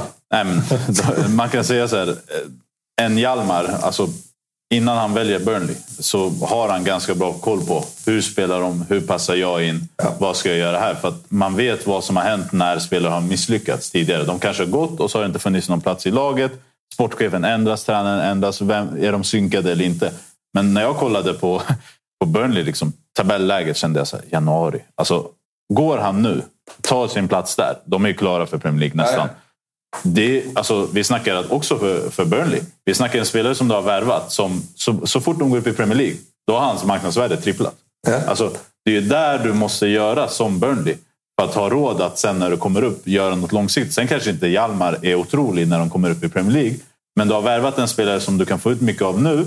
Och som om du går upp i Premier League, du kan sälja, du kan behålla, du kan starta. Så, de jobbar ju bra och det är intressant. Eh, Och också bara, förlåt, just att gå till en klubb som uppenbarligen är så välmående. Som du säger, kontraktet för att gå upp var ju nästan säkrat. Du ser att Company har satt sin prägel så tydligt. Så du vet, han kommer antagligen vara där minst ett, två, tre. Alltså de här som stressar lite iväg, går till ett bottenlag.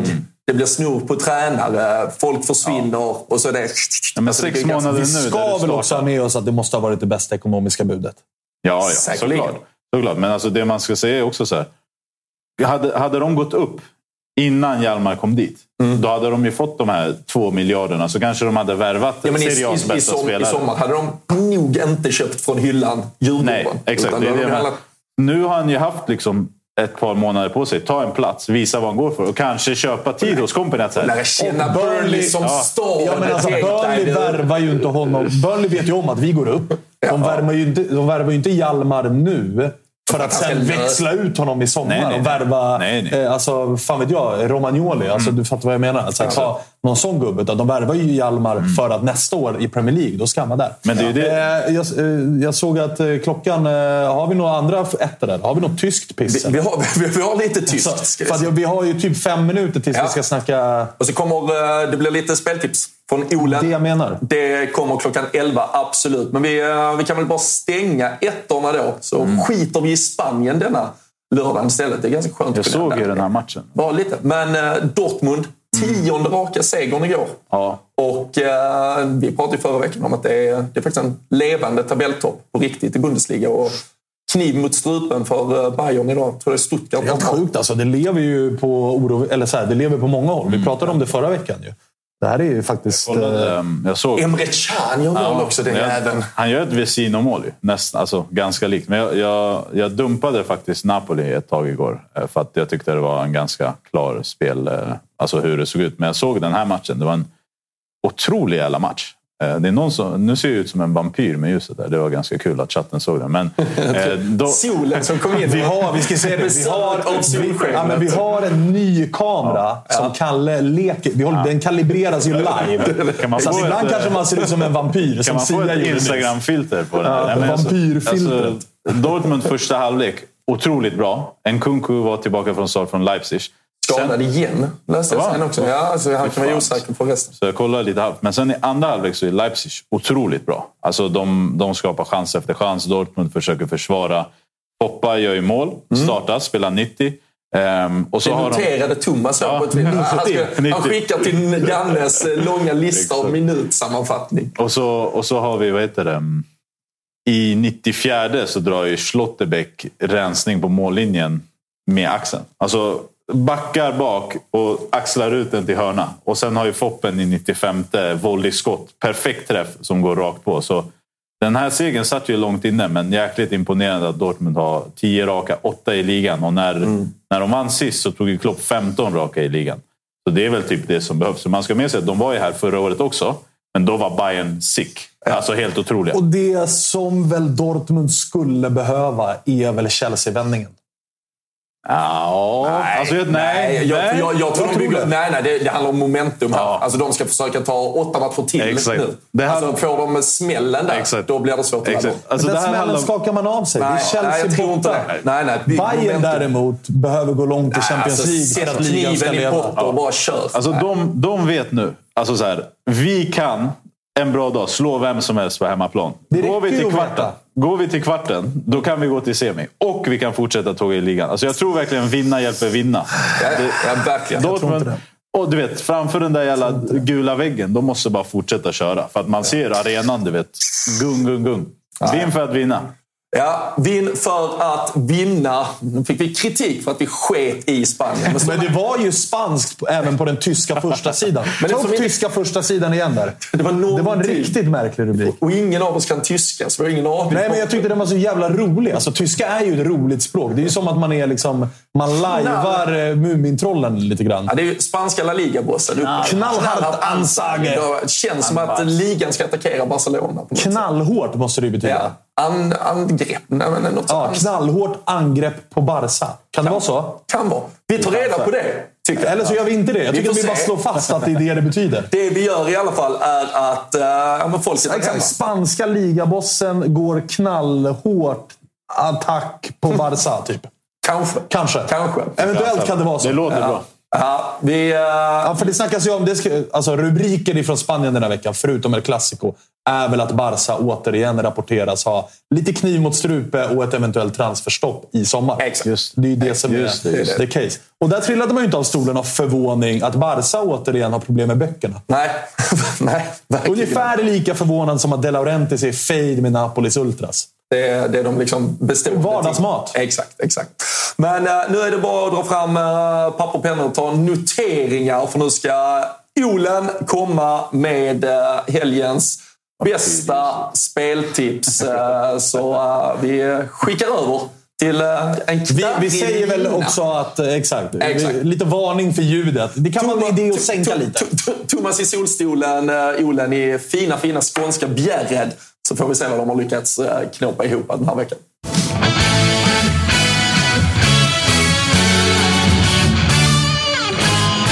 Och segmentet Spelsurr med Olen, jo men det släpps varje fredag eftermiddag i vanliga Tutolaj Weekend-feeden. Så det enda du behöver göra det är att gå in där poddar finns, sök på Tutolaj Weekend så hittar du allting du behöver för helgens betting.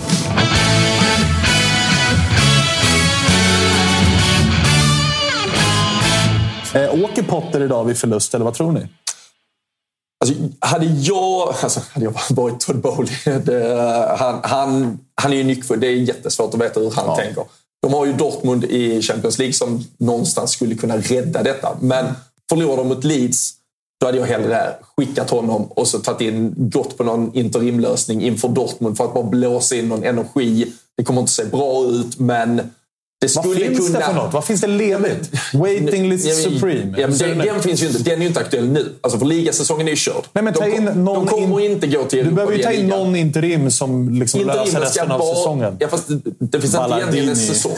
Ja, men det, alltså, det är typ nivå John Terry står och skriker på dem mot Fan, alltså. Nej, men alltså, för att det finns ingen mm. lösning just nu. Shit, alltså. Men, alltså, um, jag känner så här, om alternativet, ja, alltså, alternativet är Frank Lampard och John Terry, då behåller jag Potter alla dagar alltså jag är så här, Om du har tagit in Potter i den här situationen, då måste du ge honom tid. Problemet i fotboll, som vi alla vet, är att är det torsk mot Leeds och är det torsk mot Dortmund, det finns, då går det inte att rädda det här. Och det är det som är problemet. För att jag tycker Potter är en sån tränare som behöver en försäsong för att bygga och sen köra. Och sen så säger folk, han har inte haft tid. Alltså, de hade ett coronauppehåll, eller corona, ett VM-uppehåll mm. på två månader.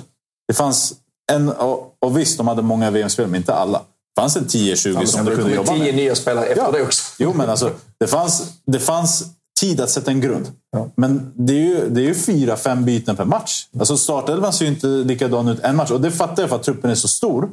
Men alltså, någon gång måste han sätta, det här är spelarna jag kör på. Det här det, litar vi på och, och nu kör vi. Men problemet är väl också lite, när han var i Brighton, då var det ju mer okej okay att rätta sin gameplan efter motstånd. Alltså nu möter vi det här laget, då spelar vi 3-4-3 eller nu faller vi ner i en 5-3-2. Alltså, han, då valde han ju hela tiden att förändra sig mm. för att sen kanske straffa på en eller två svagheter hos motståndaren. Är du tränare i ett Chelsea, i ett uh, Liverpool, United, då ska ju du ha din grundidé och den ska du vara så trygg i att den ska vinna matcher åt dig hela tiden. Och den verkar han ju inte ha hittat, varken Nej, formationsmässigt eller med rätt spelare. Och det, är inte, det blir inte lättare att hitta den när du får liksom 444 nya spelare. Alltså så här hela tiden. Och den ena är större stjärna och bättre betald än den andra. Så det, han har ju heller inte fått... Alltså så här, jag, jag, tror inte att Potter är en tränare för ett topp 4-lag i Premier League. Det är en sak. Men jag, tror, jag tycker heller inte att han har fått förutsättningar Nej. som är särskilt schyssta. Alltså Enzo Fernandes, jag tycker att han är en grym spelare. Men vi ska med oss att han kom till Europa i somras. Mm. Mm. Från River Plate till Benfica och nu är han i Chelsea med, liksom, i den åldern, med den lönen, med den prislappen, med de förväntningarna. Det, det har gått så fort. En och en halv miljard för en defensiv mittfältare Exakt. som är duktig på att slå passningar. Alltså, han är grym. Jag älskar Enzo. Har alltid gjort det. Liksom. Men det är en spelare som... Alltid du... gjort? Du visste inte vem han var för ett år sedan. Låt oss vara ärliga. Då var han i River Plate. Jag följer ju de här Argentina-kontona. har... Ja, men alltså, man har ju sett namnet på de här transfer scout jag är, reports. Jag är inne på de men, där, man, man, man, vet ju inte vem det är. Det är ju en passningsspelare. Alltså, ah, ja. du vet, jämför du med att värva Mbappé för två miljarder. Mm. Alltså, eller Neymar. Men du, du får ju ingen X-faktor på det sättet. Exakt, det är inte, det är inte den typen av spelare. Och sen så tittar vi på Chelsea där liksom, de har, alltså, Havertz är fantastisk. Jag älskar honom som spelare. Alltså kvaliteten han har, kroppen, tekniken, allt som finns där. Men han kommer inte panga in 30 mål. Eller 20. Chelsea har alltså minst antal gjorda mål i hela ja. Premier League sen november. Lukaku har gjort fler mål än Chelsea den månaden. Men, och sen så kollar jag Aubameyang petad ur CL-truppen, enda nian. Alltså så här, jag gillar det var ju Tuchels sista desperata ja. nia in. Det var ju hans gubbe ja, har vi också pratat om. Tre dagar innan att Chelsea, hela truppen är ju felbyggd. Det finns ingen striker. Ja. Det och, finns inte en striker i truppen. Och Havertz kanske är en spelare som ska spela med en striker. Tycker jag. Alltså en, ja, ja. Han ska vara Timo borta, Lukaku borta. Fem miljarder spenderat. Ingen topp nia. Vad fan händer? Alltså vad händer? Alltså, Chao Felix är ju typ samma spelare som Harvard. Ja, men de har ju hundra, men de har ju inte... hundra trekvartsspelare. Ja. Det är Mudruk och det är eh, Mason Mount och det är Pulisic och det är Havertz. Mount. Ja, ja, ryktas ju Liverpool, Liverpool på honom. Det hade varit fint. En liten uppgradering till ja. Jordan Henderson Klopp. i alla fall kanske. Ja, men det, jag tror det är en kloppspelare, absolut. Ja, det tror jag. Det tror Ja, jag. men Men det är ju alltså, det är, det är ett haveri från start till mål, Chelsea. Alltså, det de skulle aldrig ha plockat Potter. Exakt. De skulle absolut, alltså, truppen är totalt felbyggd. Man gör, desperata, Tuchel. man gör desperata värvningar gång efter annan. Eh, så det, det är så mycket som är fel. Och dessutom en ägare som liksom inte kan sporten. Han för, förstår ju inte fotboll. jag är Och nu, dig. och nu till, förlåt, men, och nu till CL-truppen då eh, kunde man ju inte registrera alla. Så man reggar ju inte... eh, Tre nya får du göra. Ja, men precis. Så Badachile, nya mittbacken, reggar man ju det, typ. inte. Så har ju Thiago fan. Silva gått i sönder. Så nu står jag med lite... Alltså sen, han har ingen, men det är Koulibaly och Fofana. Det är spelare han köpte i somras för en och en halv miljard. Men det är spelare han inte riktigt litar på Ja. ändå. Där är det liksom. också det sjuka. De plock, ja, vi ska ju rätta oss. De plockade ju faktiskt en striker. Och då väljer de att plocka en striker från Molde. Ja, just Man bara, det. men vänta nu. Han är, ja. Alltså, Alltså, skippa, fan, ja. skippa 80 procent av de värvningarna ni har gjort och lägg de pengarna på en riktig nia istället. Alltså, han han kan löst. säkert bli okej med tiden. Jag tycker han har sett helt okej ut. Men det är ju ingen som ger dig så många mål. Jag, så här, jag håller helt med dig. Potter kanske inte är en topp fyra tränare Men även om han är det så är det inte killen som du tar in när det brinner i september. Alltså, det är där som jag tycker att han inte är den som är den. Alltså, då hade jag till och med hellre tagit De Serbi direkt. Ja. Fattar du? För han är ledig. Du har, han kan sätta det. Och han har ett system som, som är väldigt tydligt. Alltså, Potter, av det jag har sett hittills, jag tycker det är en grym tränare. Jag tycker han behöver tiden. Men det är ingen som jag hade litat på om jag ska ta in, alltså göra det som Bolle har gjort nu. Okej, sparka Tuchel och sen värva 15 i januari och sen försöka lösa det. För att resultaten är för dåliga i längden. Och det var en superstor risk för att Tuchel ändå Tuchel. Alltså, det är det som är problemet. Jag, Ja, jag hade gett honom eh, tiden.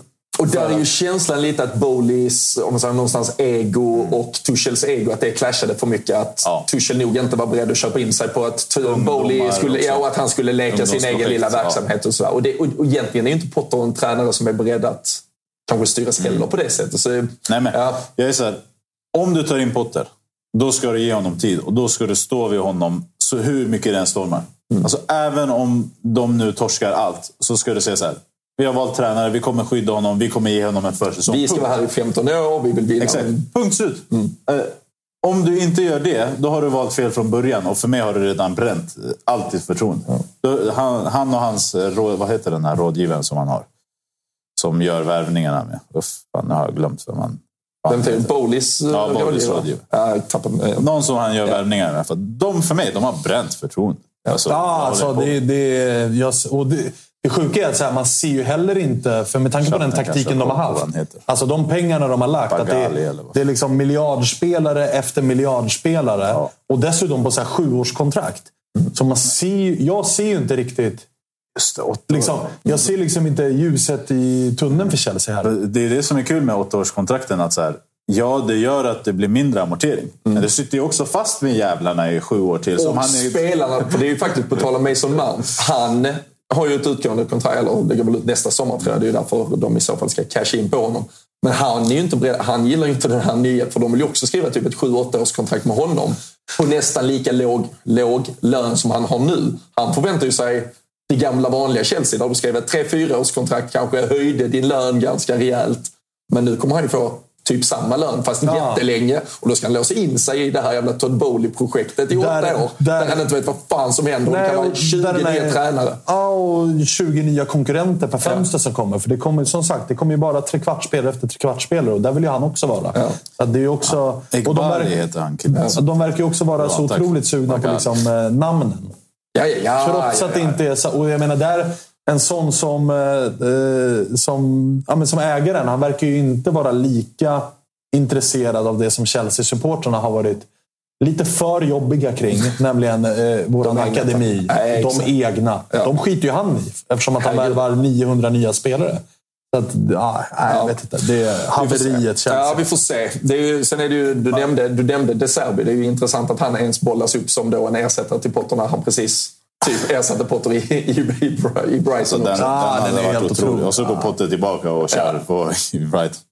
Men, och där är ju lite så, alltså, nu är ju De Serbi såklart en fantastisk, men han har ju gjort det minst lika bra med Brighton som Potter gjorde. Så det är också så här, hur bra bättre gjorde... alltså. Ja. Exakt. Så hur bra gjorde egentligen Potter? Eller var det faktiskt ett väldigt fint lag som uppenbarligen Alltså, man skulle att, eh, komma sexa, sjua med? Förlängningen med Moises Caicedo visar ju också att det är en klubb som, alltså, som vet vad de gör. De Som bra. de har fått slänga upp pengar Ja, ja, såklart. Men alltså, Han satt ju på typ de- 4 miljoner eller vad De behåller 4 honom. 000 pund. Nu förlänger de till 27. Så om det kommer ett bud så kanske det måste vara högre än det som de sa nej till. Han får mer pengar, men du får också hans prestationer och så kanske han är lite gladare än han var för en månad sedan. Ja. Så jag tycker Brighton är en av de mest intressanta klubbarna just nu för att jag tycker att de gör så mycket rätt. Och trots att de har så jäkla mycket Prem- Premier League-pengar så värvar de inte sönder sig för stora summor utan de gör intelligenta scouting, bra värvningar och har en tydlig plan.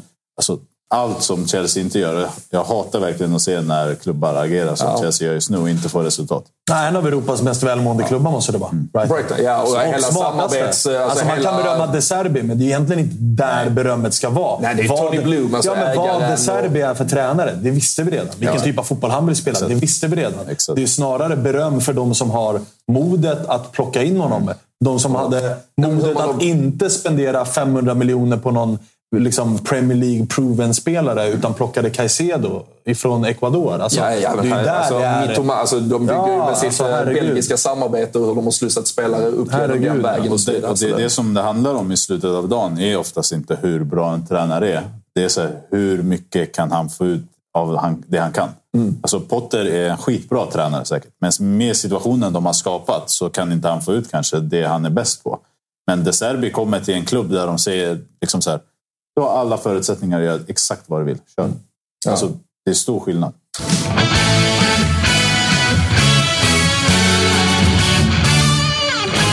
Nu har vi med oss Poya Spang, tror jag. Ganska snart i alla fall. Så vi, eh, Det hoppas jag. Det hoppas jag. vi tar en titt. Poja, är du med oss? Jag är med er. Härligt. Stort eh, tack för att du kan vara med idag och eh, varmt välkommen till eh, Tutto Weekend. Hur är läget? Ja, nej, inga problem. Bara kul att vara med. Det, vi får ju såklart börja med att eh, gratulera till eh, segern igår. Vi har eh, tagit Ja. in lite bilder från fansen både innan, under och efter match. Otrolig inramning. Ja, det, det var väl en av de sakerna man verkligen såg mest fram emot när man skrev på för Röda Stjärnan. Och det här var ju mitt första derby här. Så att, alla förväntningar infriades och såklart, som ni säger, att vi får vinna den också på hemmaplan gör det ju inte såklart sämre. hur, ehm, vi, vi, vi ska konstatera, det är inte matematiskt klart i eh, toppen, men det var tre poäng som eh, betydde väldigt, väldigt mycket i jakten på guldet. Jag tror att matcherna mellan Röda Stjärnan och Partizan poängmässigt alltid betyder någonting. Men i det här läget så hade vi skapat oss ett, ett väldigt, väldigt bra försprång. Eh, och det kändes någonstans som att eh, man kan lägga in en ganska tuff stöt på Partisan i det här läget om vi, om vi vinner. Eh, och mycket av snacket innan om det har varit om det. Att för dem handlar det liksom om att försöka klamra sig fast. Och det som du säger, ingenting är matematiskt klart. Det är fortfarande en hel del kvar av säsongen. Alla vet hur idrott fungerar. Men mentalt så... Det var tre poäng, men det var också mentalt väldigt viktiga poäng för oss gentemot dem igår. Men du eh, Poja, hur var scener och sånt eh, efter matchen? Det som inte har tagit del av. Firar man en sån här? Det är en fredagkväll i Belgrad liksom, och en derbyseger. Nej, Jag själv personligen var ganska tråkig så. Jag kan inte tala för alla, i- alla andra. Men nu är det så också att jag vet att fansen firar såklart den här segern i en fredagskväll i Belgrad. Ganska så hårt. Belgrad överlag är en, en stad som sällan sover. Så att när Röda Stjärnan också vinner ett derby så förväntar jag mig en hel del, ett hel del firande. Eh, men vi spelar match redan på tisdag och det är också... Nu möter vi trean på bortaplan redan då. Ehm, så att ehm, för oss handlar det om att vara, lite lugna eh, och se till att ha bra återhämtning. Förbereda oss redan för den matchen. Sen får vi hoppas att eh, de ordentliga firandena kommer framöver sen när vi förhoppningsvis vinner serien. Ja, vi, vi pratade lite om det, eh, svensk eh, kontra då serbisk fotboll. Ett, eh, ett sånt här derby hade antagligen legat eh, eh, söndag lunchtid typ i, i Sverige. Ja. Här, här kör man fredag kväll. Det är all in. Ja, nej, men verkligen. Det är väl det, det, den tanken slog mig också. Eh, vi fick ju aldrig spela några stora eh, matcher med Blåvitt mot AIK, Malmö och så vidare på såna här tider. Och anledningen till först var det tanken att vi skulle spela i onsdags redan men, men de valde att flytta den här matchen till fredag.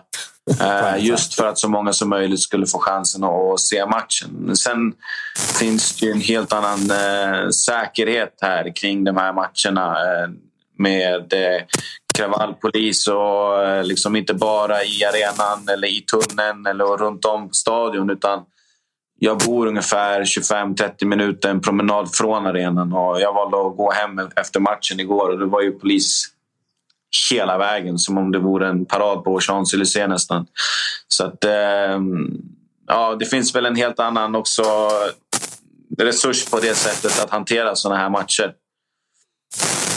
Hur har det varit eh, supporterkulturmässigt då? Att gå från liksom, IFK Göteborg och så brittiska öarna, men nu framförallt då, sen du har varit i, i Belgrad. Hur har, det, alltså, har du blivit chockad? Eller har, man har ju liksom en förutfattad bild att det ska vara galet och på en helt egen nivå och sådär. Men hur har det varit att leva i det?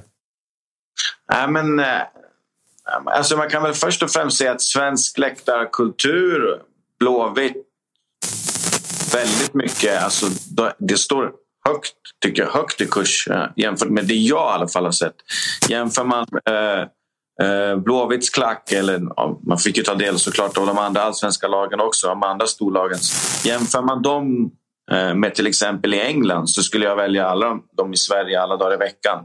I England så finns det ett väldigt, väldigt stort intresse för fotboll och alla i fa familjen och alla i släkten har ett favoritlag. Eh, liksom, pappan kan heja på Chelsea och morsan kan heja på Fulham och mormor hejar på Watford. Det är liksom alla kan fotboll på något sätt. Men när du väl är på matcherna så är det ganska tomt på läktarna innan avspark. Eh, och sen helt plötsligt när det är dags för match så kommer alla in från pubbarna. Eh, och sen så förväntar man sig om att okay, men nu kommer de från pubbarna och är väl ganska glada.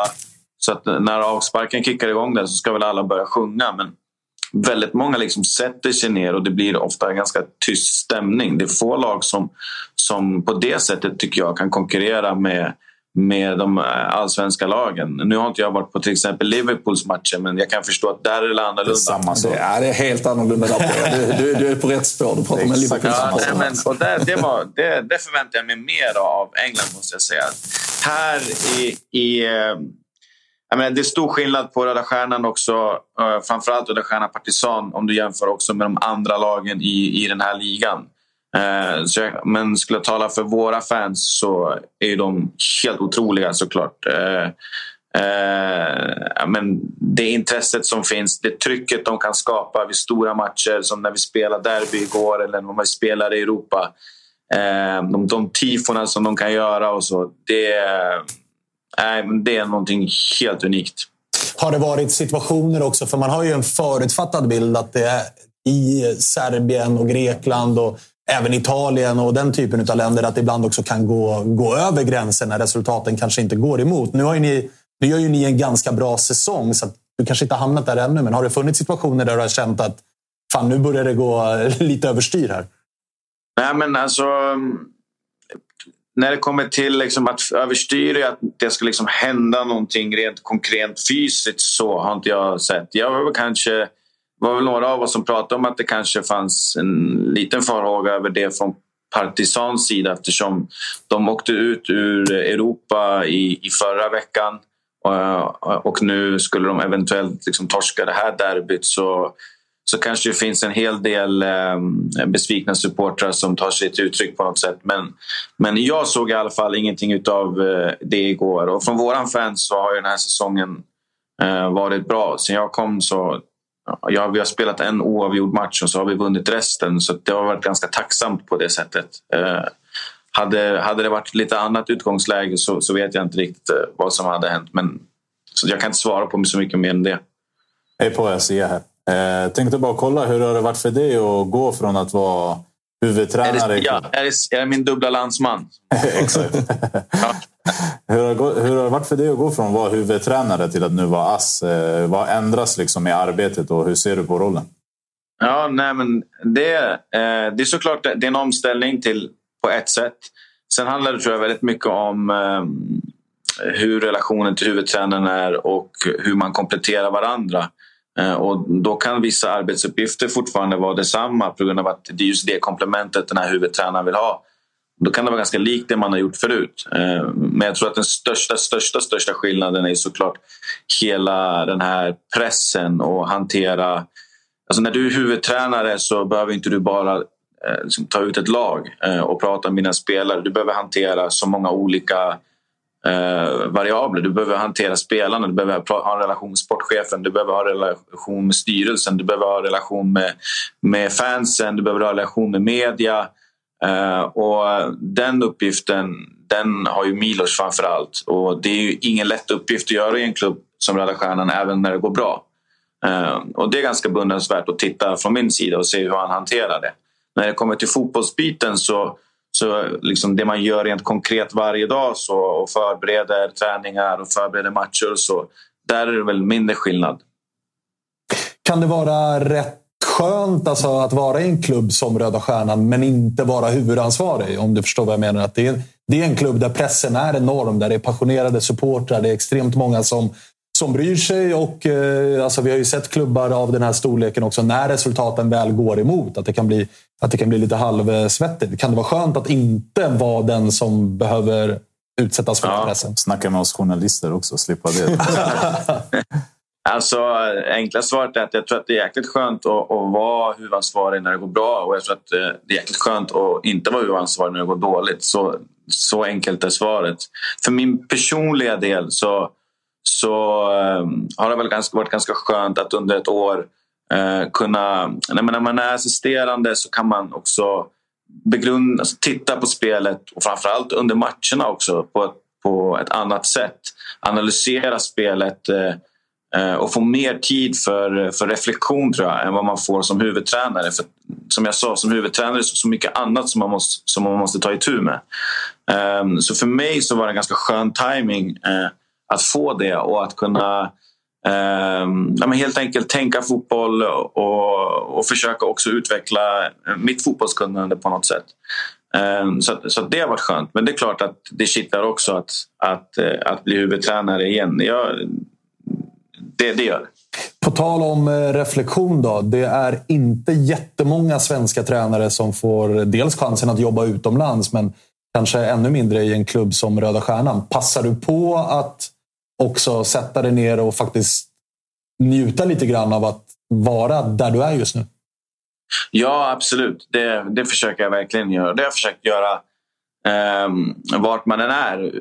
Även fast det är betydligt lättare sagt än, eh, än gjort. Eh, men framförallt så känner jag väl att eh, men under de här åren, men sen jag lämnade Blåvitt egentligen så så har jag varit i väldigt många olika miljöer. Dels med, med ett u landslag men framförallt sen i England eh, med den kulturen eh, som ändå påminner lite mer om Sverige skulle jag vilja säga men som ändå är England.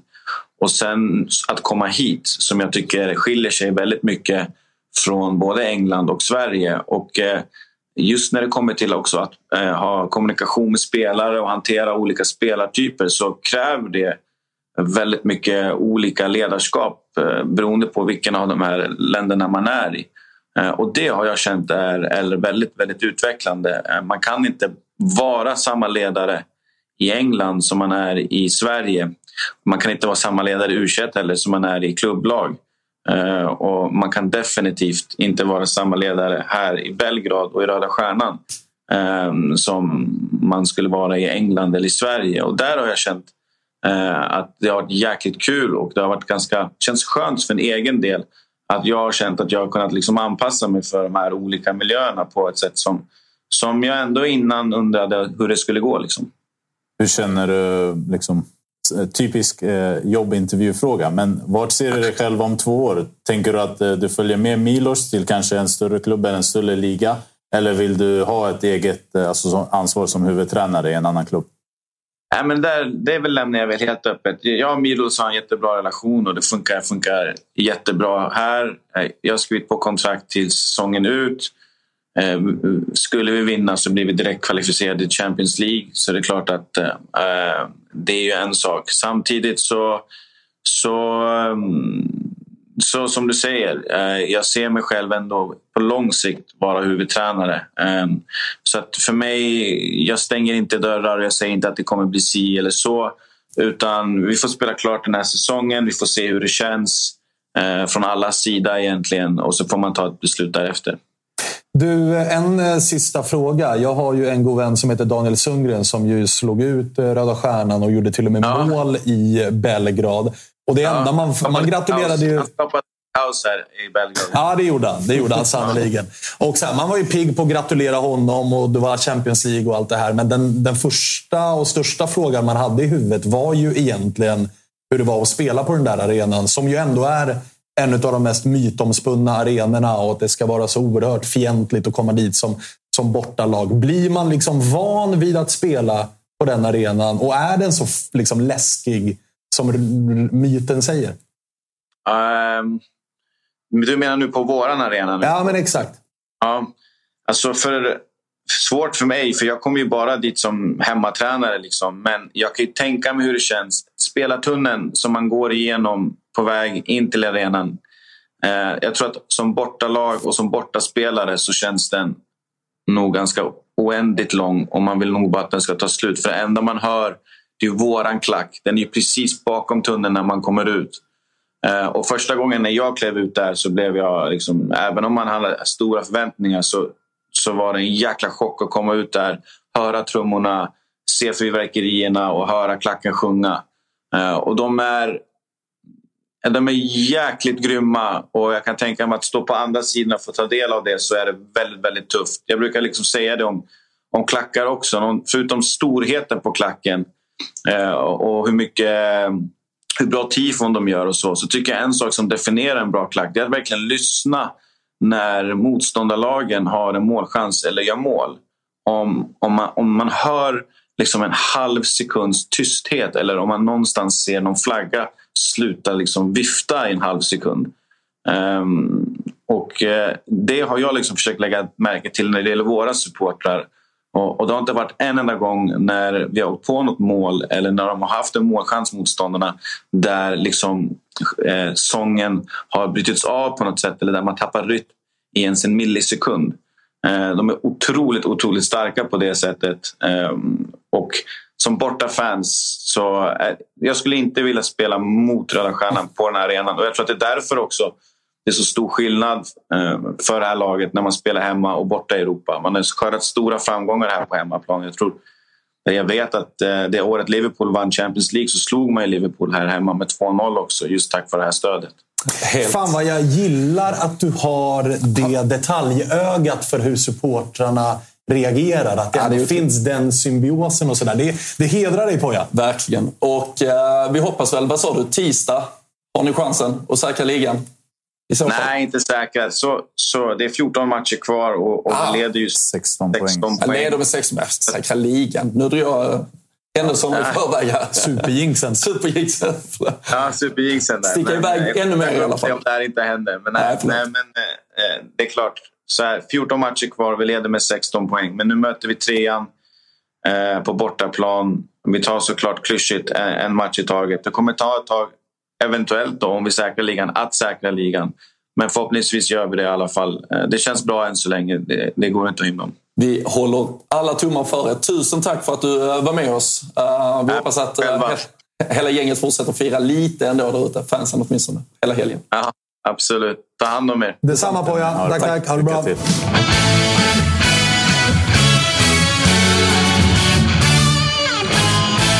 Uh, ska vi se om uh, ja, men Thomas är med oss? 12.30 är klockan, så det är väl lika bra att vi lyfter luren och kollar med... med vart är han? Teneriffa? Teneriffa. Frågan är om de är mer sydliga än... Uh, måste har ni mig eller? Ja, det gör vi. Det vi gör dig. Vi hör dig. Hola! Hola! Hur är det i Spanien? Hola. Ja, men det är fint. Jag kan väl bara liksom ta er med var vi befinner oss eh, någonstans här. Eh, ni ser eh, i bakgrunden så... Vad sa du? Kör liggande kamera. Ska jag köra liggande? Okej, okay. vi gör sådär istället. Är ni med där? Då? Hoppas vi. Ah, titta här. Gracias. Gracias. Kolla. Det är där vi är. Hoppla. Ja, det, det ser inte jättejobbigt ut. Är ni med eller? Ja, vi är med. Vi, är med. Vi, är med. vi, vi, vi bara förundras av hur vackert du har det. Ja, jag vet inte hur, hur, hur vackert det är. Eller det är faktiskt väldigt vackert. Det är eh, Atlanten bakom mig. Eh, det är en ganska västlig ö här på Teneriffa. Eh, och sen så har vi La Gomera, en av de mindre kända kanariska öarna precis bakom mig. Här. Vi, vi konstaterade i quizet här tidigare som eh, Svanemar för övrigt återigen förlorade denna gången mot... Ja, jag kollade. Att Las Palmas är det sydligaste laget som har spelat i en Europaturnering. Är Teneriffa mer söder om Las Palmas? Nej, eh, det, det stämmer. Eh, och anledningen, eller anledningen, men eh, Teneriffa är i Santa Cruz och det är norra sidan av ön. Okay. Så, så det, jag, jag, jag, vet inte exakt hur breddgraden ligger här. Men eh, ni ser i alla fall La Gomera i bakgrunden eh, och, och, vi har det mysigt här. Men du, men du Thomas, det ryktas om att du ska på fotboll också och se ditt kära Teneriffa. Mm. Ja, nej, men exakt. Eh, det, det har varit så sedan jag föddes. Eh, jag hade tre lag. Det var AIK, eh, det var Fiorentina i mitt hjärta och jag föddes också med stor passion till, till Teneriffa. När, när är matchen? Trots min liksom, stora passion och allting som Eh, kommer med supporterskapet som man får i modersmjölken så har jag faktiskt aldrig varit eh, på Eliodoro, som arenan heter. Men idag ska jag äntligen dit. Eh, familjen handnöjda. Det är sista dagen här. Som ni ser, solen skiner. Eh, det är en fantastisk dag eh, på Teneriffa. Vi ska liksom spendera de sista soltimmarna. Här då släpar jag med dem till Eliodoro. Men det är också, det, är också, det vet du Bylund och, och du också Svanen. Det är viktigt med lärdomar i livet också. Man kan inte bara ligga vid en pool när man är borta. Är, man, man, måste ut och se lite grejer också. Men hur går det för Teneriffa då? Är det, är det full fart? Eh, alltså hatet, eh, om, om, om man inte redan har lyssnat, eh, som jag antar att alla redan har, så kan man gå in på Spotify, söka på Never Forget och då de två kanariska avsnitten som handlar om den kanariska fotbollen med Teneriffa i fokus som min goda vän Jakob Nilsson har skrivit och som jag läser upp Eh, det, det, man lär sig bland annat, man ska ju lyssna på det här, det är totalt ungefär en halvtimmes lyssning. Det man lär sig bland annat av eh, det här avsnittet det är att i början på 90-talet så går Teneriffa upp i La Liga, vilket är historiskt i sig för klubben och för ön. Eh, och väl där då eh, så tar de sig till, den, två år i rad tar de sig till den sista omgången. Och i alltså, båda åren möter de Real Madrid som vid seger kan vinna La Liga. Givetvis då i kamp med Barcelona. Och båda gångerna vinner Teneriffa och Barcelona tar titeln. Så jag undrar om det finns någon friendship, någon slags eh, gemelaggio mellan Teneriffa och Barcelona. Det har jag inte lärt mig. De, de, de har gjort Men till andra sidan, Å andra sidan, efter första året så värvar Real Madrid eh, Valdano som tränar Teneriffa och han tar med sig eh, Redondo på flyget till Madrid. Och eh, de, eh, de landar där tillsammans och resten i historien blir, blir, blir såklart eh, en framgångsrik era för Real Madrid med de två gamla Teneriffa-legenderna. Du, hur är relationen med Kviborg då? Han har ändå tagit på sig liksom den svenska Las Palmas-hatten medan du nu då, liksom som den stora genuina Teneriffa-supporten du är. Är det, liksom, hur är, är det anspänt mellan er nu? Nej, det är hat. Ja. Ja, det är fullt hat. Jag hatar den jäveln. Den fula jäveln. Kan alltså, det eventuellt vara så gula, att... äckliga tröjor och, och tro att de är någonting från eh, sin fyra klimaters zons ö. Eh, Medan vi här på Teneriffa, det är synd att jag inte kan visa det för att jag har liksom en byggnad i vägen. Men jag har, jag har ju då Teide precis, precis ovanför mig här.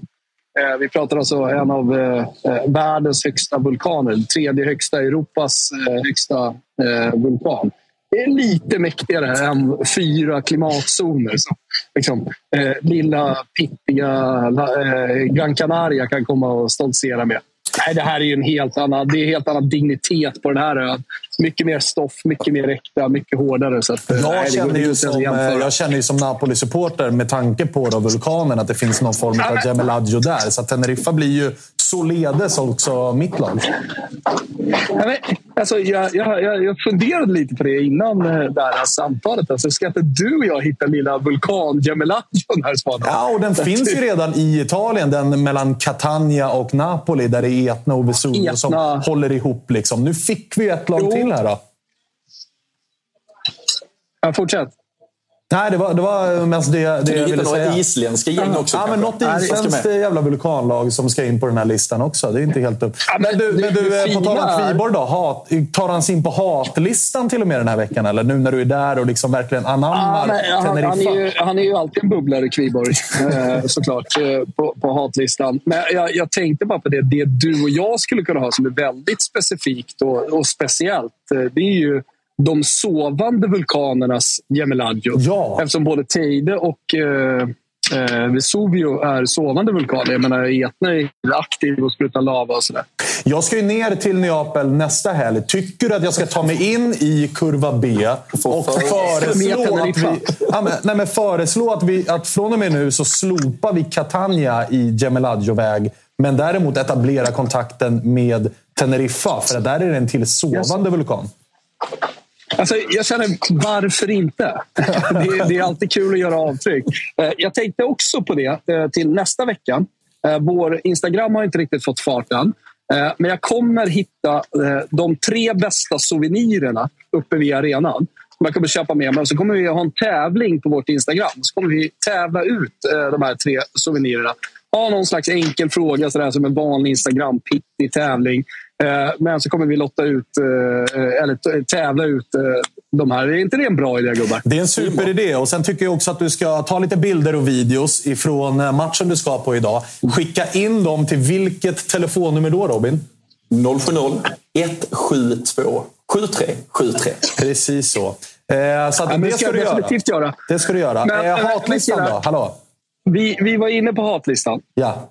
Ska vi dra en jingle också? Den, är, den har vi faktiskt Ja, vi etablerat. kör den. Känner jag hur det växer i mig. Det kokar och liksom bubblar. Det frodas i varje cell i mig. Hatet.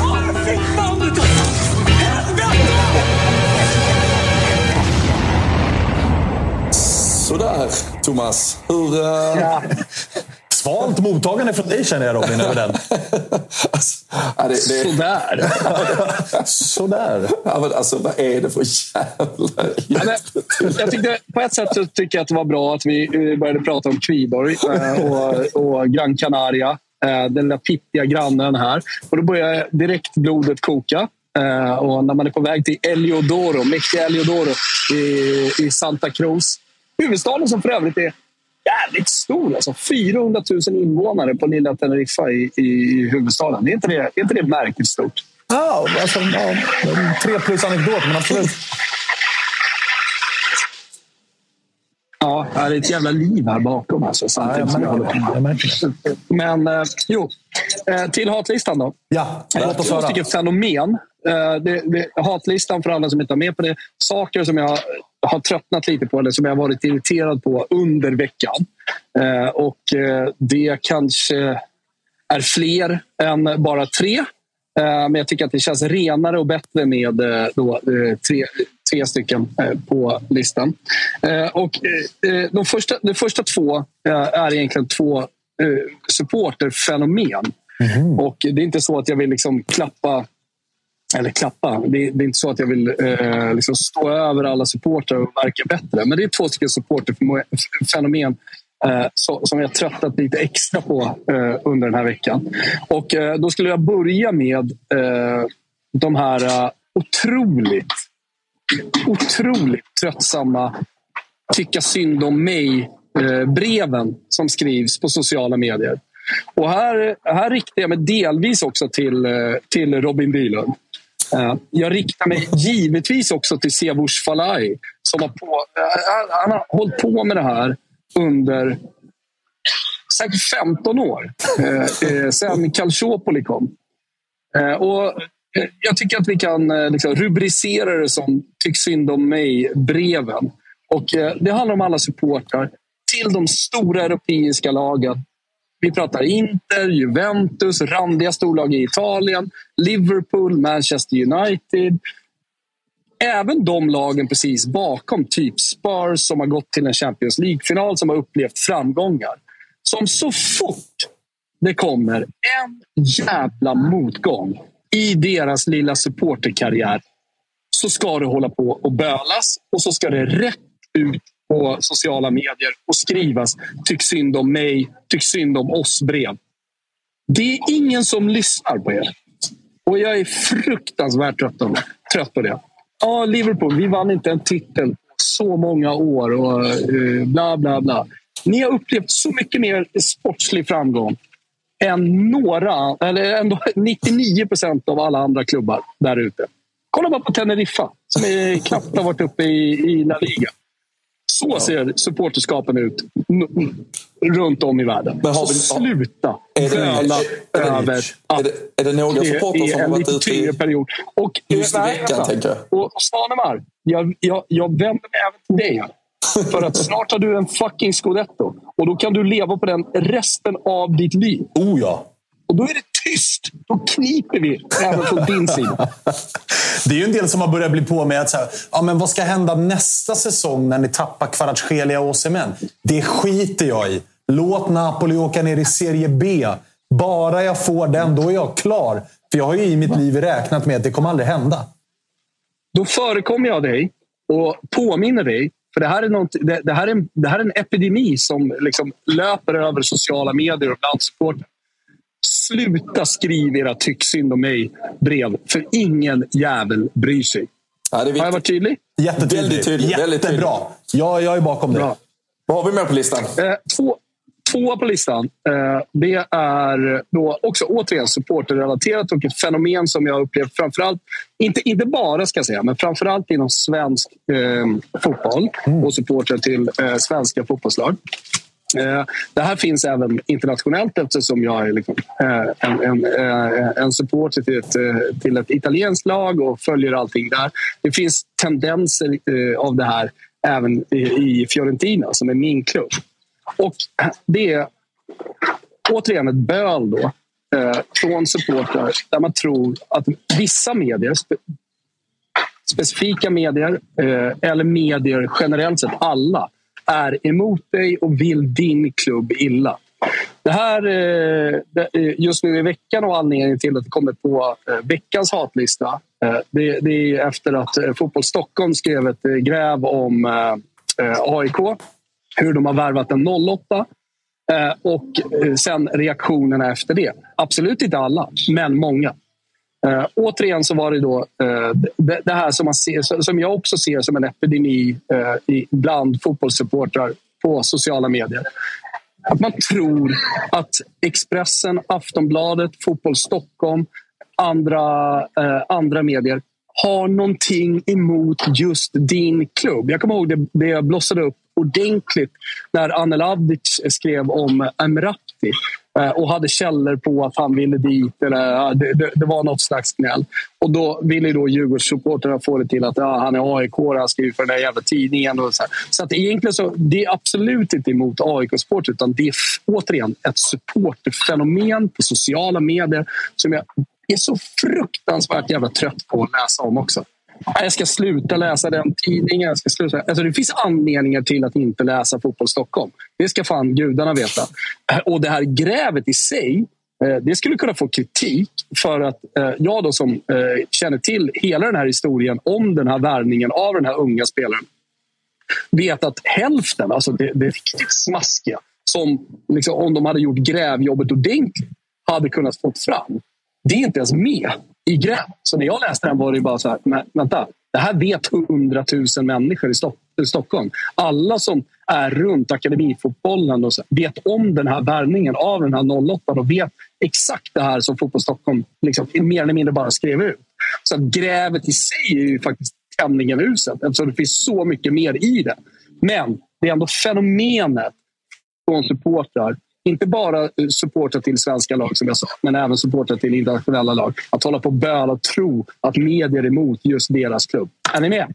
Helt med. Jag hör vad du säger. Jag hör vad du säger. Det bölet måste faktiskt få ett slut. Och väldigt trött på supportrar generellt känns det som. Den här veckan. Ja, men det, det... Nej, det är supporterfenomen på sociala ja, medier. Hör du, hör du vad jag säger? Supportrar, det här vet Agge. Uh, Agge-pitten vet jag. Alltså, vi går till arenorna. Vi dricker bärs.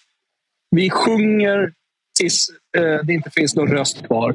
Och sen så går vi hem. Eller så fortsätter vi eh, festa. Och vi hänger med varandra och planerar nästa bortamatch, nästa hemmamatch och så vidare.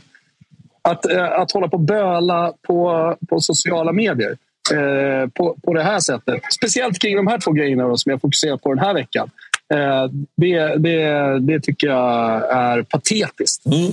Spänd är man på första platsen nu. Ja, och det har ju varit mycket snack. Det är ju mycket folk som har hört av sig i veckan såklart kring eh, Kalle Halvarssons eh, fiasko i, i, i allt han har företagit sig egentligen. Men stafetten igår var väl ett riktigt bottenmärke. Men tar det sig in på hatlistan? Kanske hur media är på Kalle eller hur han presterar? Eller är det något annat som toppar? Nej, det är faktiskt något annat som toppar. Däremot så är det ju eh, relaterat på ett sätt, eh, årstidsmässigt i alla fall, till Kalle Halvardsson. Kort eh, sägning bara kring eh, Kalle, kort kommentar kring Kalle Halvarsson så är det såklart inte hans fel att eh, han får åka sista sträckan när han egentligen är, är, är under det här mästerskapet en klassisk skidåkare. Det, det, det är såklart förbundskaptenernas fel och de borde avgå. Så att jag står helt på Kalles sida här. Och han skulle absolut inte åkt sista sträckan. Det, det är i fotbollssammanhang som att sätta en vänsterback som forward. Bara för att man tycker att vänsterbacken är snabb. Typ Theo Hernandez. Det är bra. Det är faktiskt det är ett bra exempel. Sätt Theo Hernandez som nia bara för att han är snabbast i laget. Så tänker du att det kommer funka. Och så glömmer man bort att fotboll är så mycket mer komplicerat än, än, än så. Eh, men eh, hatet till en annan vintersport, svensk hockey. Har ni med vad som har hänt i svensk hockey på slutet? Alltså Leksands eh, keeper, eller vad det var, som drog Helt en, bortkopplad. drog en flaska i, i ryggen lite nätt på någon domare. Han skulle väl in i fängelse typ. Ja, nej, men, eh, svensk hockey har blivit så otroligt skitnödigt. Eh, jag, jag, kan tänka mig att Svanemar i alla fall, eh, kanske du också Robin och många som tittar på det, tänker att svensk hockey är mycket kissbomber och piskrapp med handdukar och det är liksom 80-tal och old school omklädningsrumsjargong. Eh, nu säger jag inte att det är bra. Eh, jag säger bara att det är många som tänker sig hockeyn så, att den är hård och det är tufft och, och så vidare. Det är den ju eh, absolut inte. Utan jag har ju precis blivit tvärtom.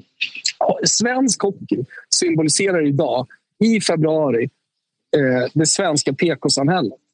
Det, finns ingenting, alltså ingen så här liten värld i den stora världen som symboliserar den stora världen bättre än vad svensk hockey symboliserar Eh, det svenska samhället idag. Eh, med eh, med då PK som någon slags husgud och ledstjärna i, i alltihopa. Varför är de med på hatlistan just den här veckan? Jo, Modo har då en spelare som filmade. Och Det var ju dåligt och dumt. Två minuters husvisning, eller vad det nu är. Uh, han var på väg att få en armbåge i ansiktet. Han duckade den. Uh, klarade sig bra, men han la sig ner och, och filmade. Då har alltså Modo som klubb gått in och stängt av sin egen spelare. Ni hör ju hur jävla idiotiskt det här är. De har alltså gått in, stängt av sin egen. Gracias. Nötter här. Uh, gått in, bötfällt honom. Typ 10 000 kronor.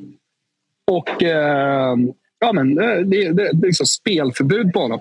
För att han förstärkte i en situation. Och svensk hockey, hur reagerade svensk hockey? Då? Supportrar och, och liksom alla. Jo, men det är, det är enkelriktat. Det är full kritik till honom. Ah, men jag menar så här, alltså, jag tänker att även i hockeyn, om jag inte kan det lika bra som fotbollen, så sker det tjuvsmällar eh, och eh, man... Eh, alltså det är trash talk. Eh, det, det, det, är liksom mycket skit åt det andra hållet. Eh, och då tänker jag att man kan ju liksom försvara sig på ett sätt. Då, eh, eller så har man en stor vinnarskalle som vill vinna matchen genom att kanske förstärka någon situation. Det är ju liksom inte hela världen. Det förtjänar två minuter, kanske fem minuters utvisning. Det håller jag med om. Och precis som i fotboll, att en filmning ska, ska rendera i ett gult kort. Det ska såklart straffas. Precis som någon jävel som hoppar in med dobbar i någons fot ska straffas. Eller eh, någon eh, spelare i hockey som eh, gör en huvudtackling också ska straffas. Allting. Det finns ju, finns ju en regelbok för det. Men att en klubb går in och liksom ställer sig över regelverket för att de vill stå liksom längst fram i ledet, som Modo vill i det här fallet. Bland liksom alla jävla PK-lirare som, som eh, regerar över svensk hockey. Det är fan i mig totalt jävla patetiskt. Ja. Alltså, hockey, på, hockey, på hockeyhatet eh, lever och frodas. Alltså, det, det, är, det är sannerligen någonting som jag kan eh, liksom, känna igen. Jag tycker chatten är inne och vill försvara den svenska hockeyn lite. tycker jag. Att uh, filmningarna ska inte vara ja, alltså, Det var, det var ja. fint att den i chatten också skrev han filmade faktiskt två gånger. Man bara, jaha, men då så. Då så. Det, ja. Nej, de, de går emot det här. Så det kanske är Kalle, blockar du han ja, blocka, blocka, blocka de som är emot. Hockeygänget. Får gärna gå Men du, hur är annars den italienska hockeyn? Vad har vi på den? den, den, italienska hockeyn, jag försökte ju en gång, vad kan det ha varit, ungefär tio år sedan, eh, så höll jag på att hjälpa eh, Micke Nylanders brorsa Peter Nylander eh, till Odineses hockeylag. Eh, han eh, var liksom i slutet på karriären, hade tjänat sina pengar i KHL, hade skaffat sig rysk donna. Livet lekte, men han ville kräma ur det sista i karriären. Och eh, min fru är väldigt god vän med hans lillasyrra. Och därigenom fick vi kontakt och han ville då att jag skulle fixa eh, ett kontrakt med ett italienskt hockeylag där han tyckte han höll hög nivå och kunde liksom få en halv mille netto eller vad det kunde vara för en säsong. Eh, så jag hade faktiskt kontakt med fyra italienska hockeyklubbar för att hjälpa honom. Och löste Svanemar. Jag löste en klubb till honom också. Han tackade nej, fick en kontrakt med typ en hockeyallsvensk klubb. Uh, och uh, så blev det ingenting. Och det här går ju lite i, i, igen i, i min agentkarriär, det vet du om Svanemar. Med spelare som jag hjälpt fixa klubbar eh, i fotboll då, eh, i Italien men som sedermera har tackat nej och gått till andra klubbar. Eh, Levi! Tjena! Ja. Du, jag, måste, jag måste lägga ner min, ja. min agentkarriär snart. Ja, jag, den, jag, liksom, jag bara vi... fixar och donar åt folk. och sen så, sen så Man får jag massa tillbaka. jävla tid och får ingenting tillbaka för det. Du, vi, vi, fan, vi börjar, börjar närma oss avslutning. En sista grej jag vill ta upp, då, ifall vi inte bara ska vara rent hatiska, är ju att det senare idag, 20.45, är Fiorentina-Milan och matchen spelas Mm. på en speciell dag ju, då det ju är årsdagen för eh, Astoris bortgång. Mm. Jag, eh, innan, innan det här samtalet, det är skönt att vi avslutar med kärlek för övrigt. Eh, innan det här samtalet precis så såg jag intervjun med Stefano Pioli, nuvarande Milan-tränare, dåvarande Fiorentina-tränare. Också speciellt och såklart liksom, slumpmässigt enligt ödet givet att Fiorentina och Milan ska möta varandra just på årsdagen av Astori. Så det blir ju på något sätt liksom, eh, Piolis match. Men Jag såg den eh, otroligt känslosamma intervjun med, med Stefano Pioli eh, för fem år sedan eh, när han gick bort. Och bra att uppmärksamma det, Svanemar. Jag tycker att det är ett bra sätt att gå ut Total Weekend på. Eh, att minnas eh, David Astori, eh, vilken fantastisk människa han var. Eh, han var en otroligt bra fotbollsspelare i italienska landslaget och allt det där. Men, eh, ja, väldigt eh, speciellt. Eh, vi har ju, eh, vi, vi har ju en, en, eh, alla eh, Fiorentina-supportrar i eh, Sverige har en klubb som heter Viola Club Scandinavia. Det är en del norrmän, en del danskar med också. Vi har lite resor tillsammans och så. Och så det startades ett nätverk som heter Europa, eh, Europa Viola. Eh, och alla ordförande för respektive lands supporterförening eh, har en WhatsApp-grupp. Och Det var så jävla sjukt för att eh, i morse så välkomnade ordföranden för hela eh, Europa Viola eh, välkomnade en ny Viola Club. Och gissa vilken Viola Club det var som eh, då välkomnades in i gemenskapen. Var det Teneriffa? ja, precis. Viola Club Tenerife. Och då, då skrev jag till Marco, då, som han hette, att det är helt sjukt. Eh, för att jag befinner mig i Teneriffa eh, och ska på den här matchen eh, Teneriffa Eibar ikväll. Eh, så det hade varit kul att ses. Ja, men då visade det sig att han, är, han bor alltså en kilometer från eh, det här hotellet som jag bor på. Så att direkt efter eh, Teneriffa Eibar så ska jag ta en taxi tillbaka, lämna av familjen och sen så ska jag gå upp till Biala Club Tenerife och så ska vi kolla på Fiorentina eh, Milan tillsammans. Och då har det tydligen, eh, då, då har det tydligen eh, förberetts eh, li, eh, ja, men, eh, någon slags ceremoni för eh, David Astori där. Så att, eh, det, hela den här dagen, det, det hade jag inte trott när jag bokade den här resan för en månad sedan. Eh, att det, det, skulle landa i eh, att, eh, att, att det blev så mycket fotboll i kvadrat som det blir idag. Då kan vi ju med andra ord räkna med att det dyker upp lite bilder och kanske lite rörligt på vårt Instagramkonto ifrån Viola Club Tenerife. Definitivt. Jag kommer, jag kommer gå bort från mitt eget, gå bort från Toto Balottos och bara köra från Toto Live TV, som det heter. Toto Live TV på Instagram. Så följ det. Eh, så hakar vi även med på uh, den här dagen uh, som är faktiskt en, ja, men som ni ser, en helt otrolig dag med La Gomera i bakgrunden, Tenerife Eibar senare ikväll och avslutar vi med Fiorentina-Milan i Davide Astoris minne. Ja, otroligt. Fan vad fint. Fan vad fint. Du har en uh, otrolig avslutning här på semestern med familjen. Glöm inte att ta hand om dem också. Så uh, ses vi här i studion om en vecka. gör vi.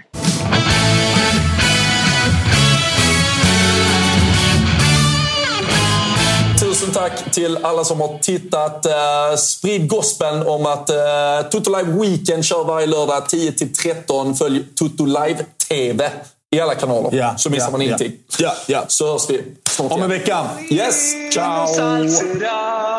Tutto il cuore esploderà. Ale, ale, ale.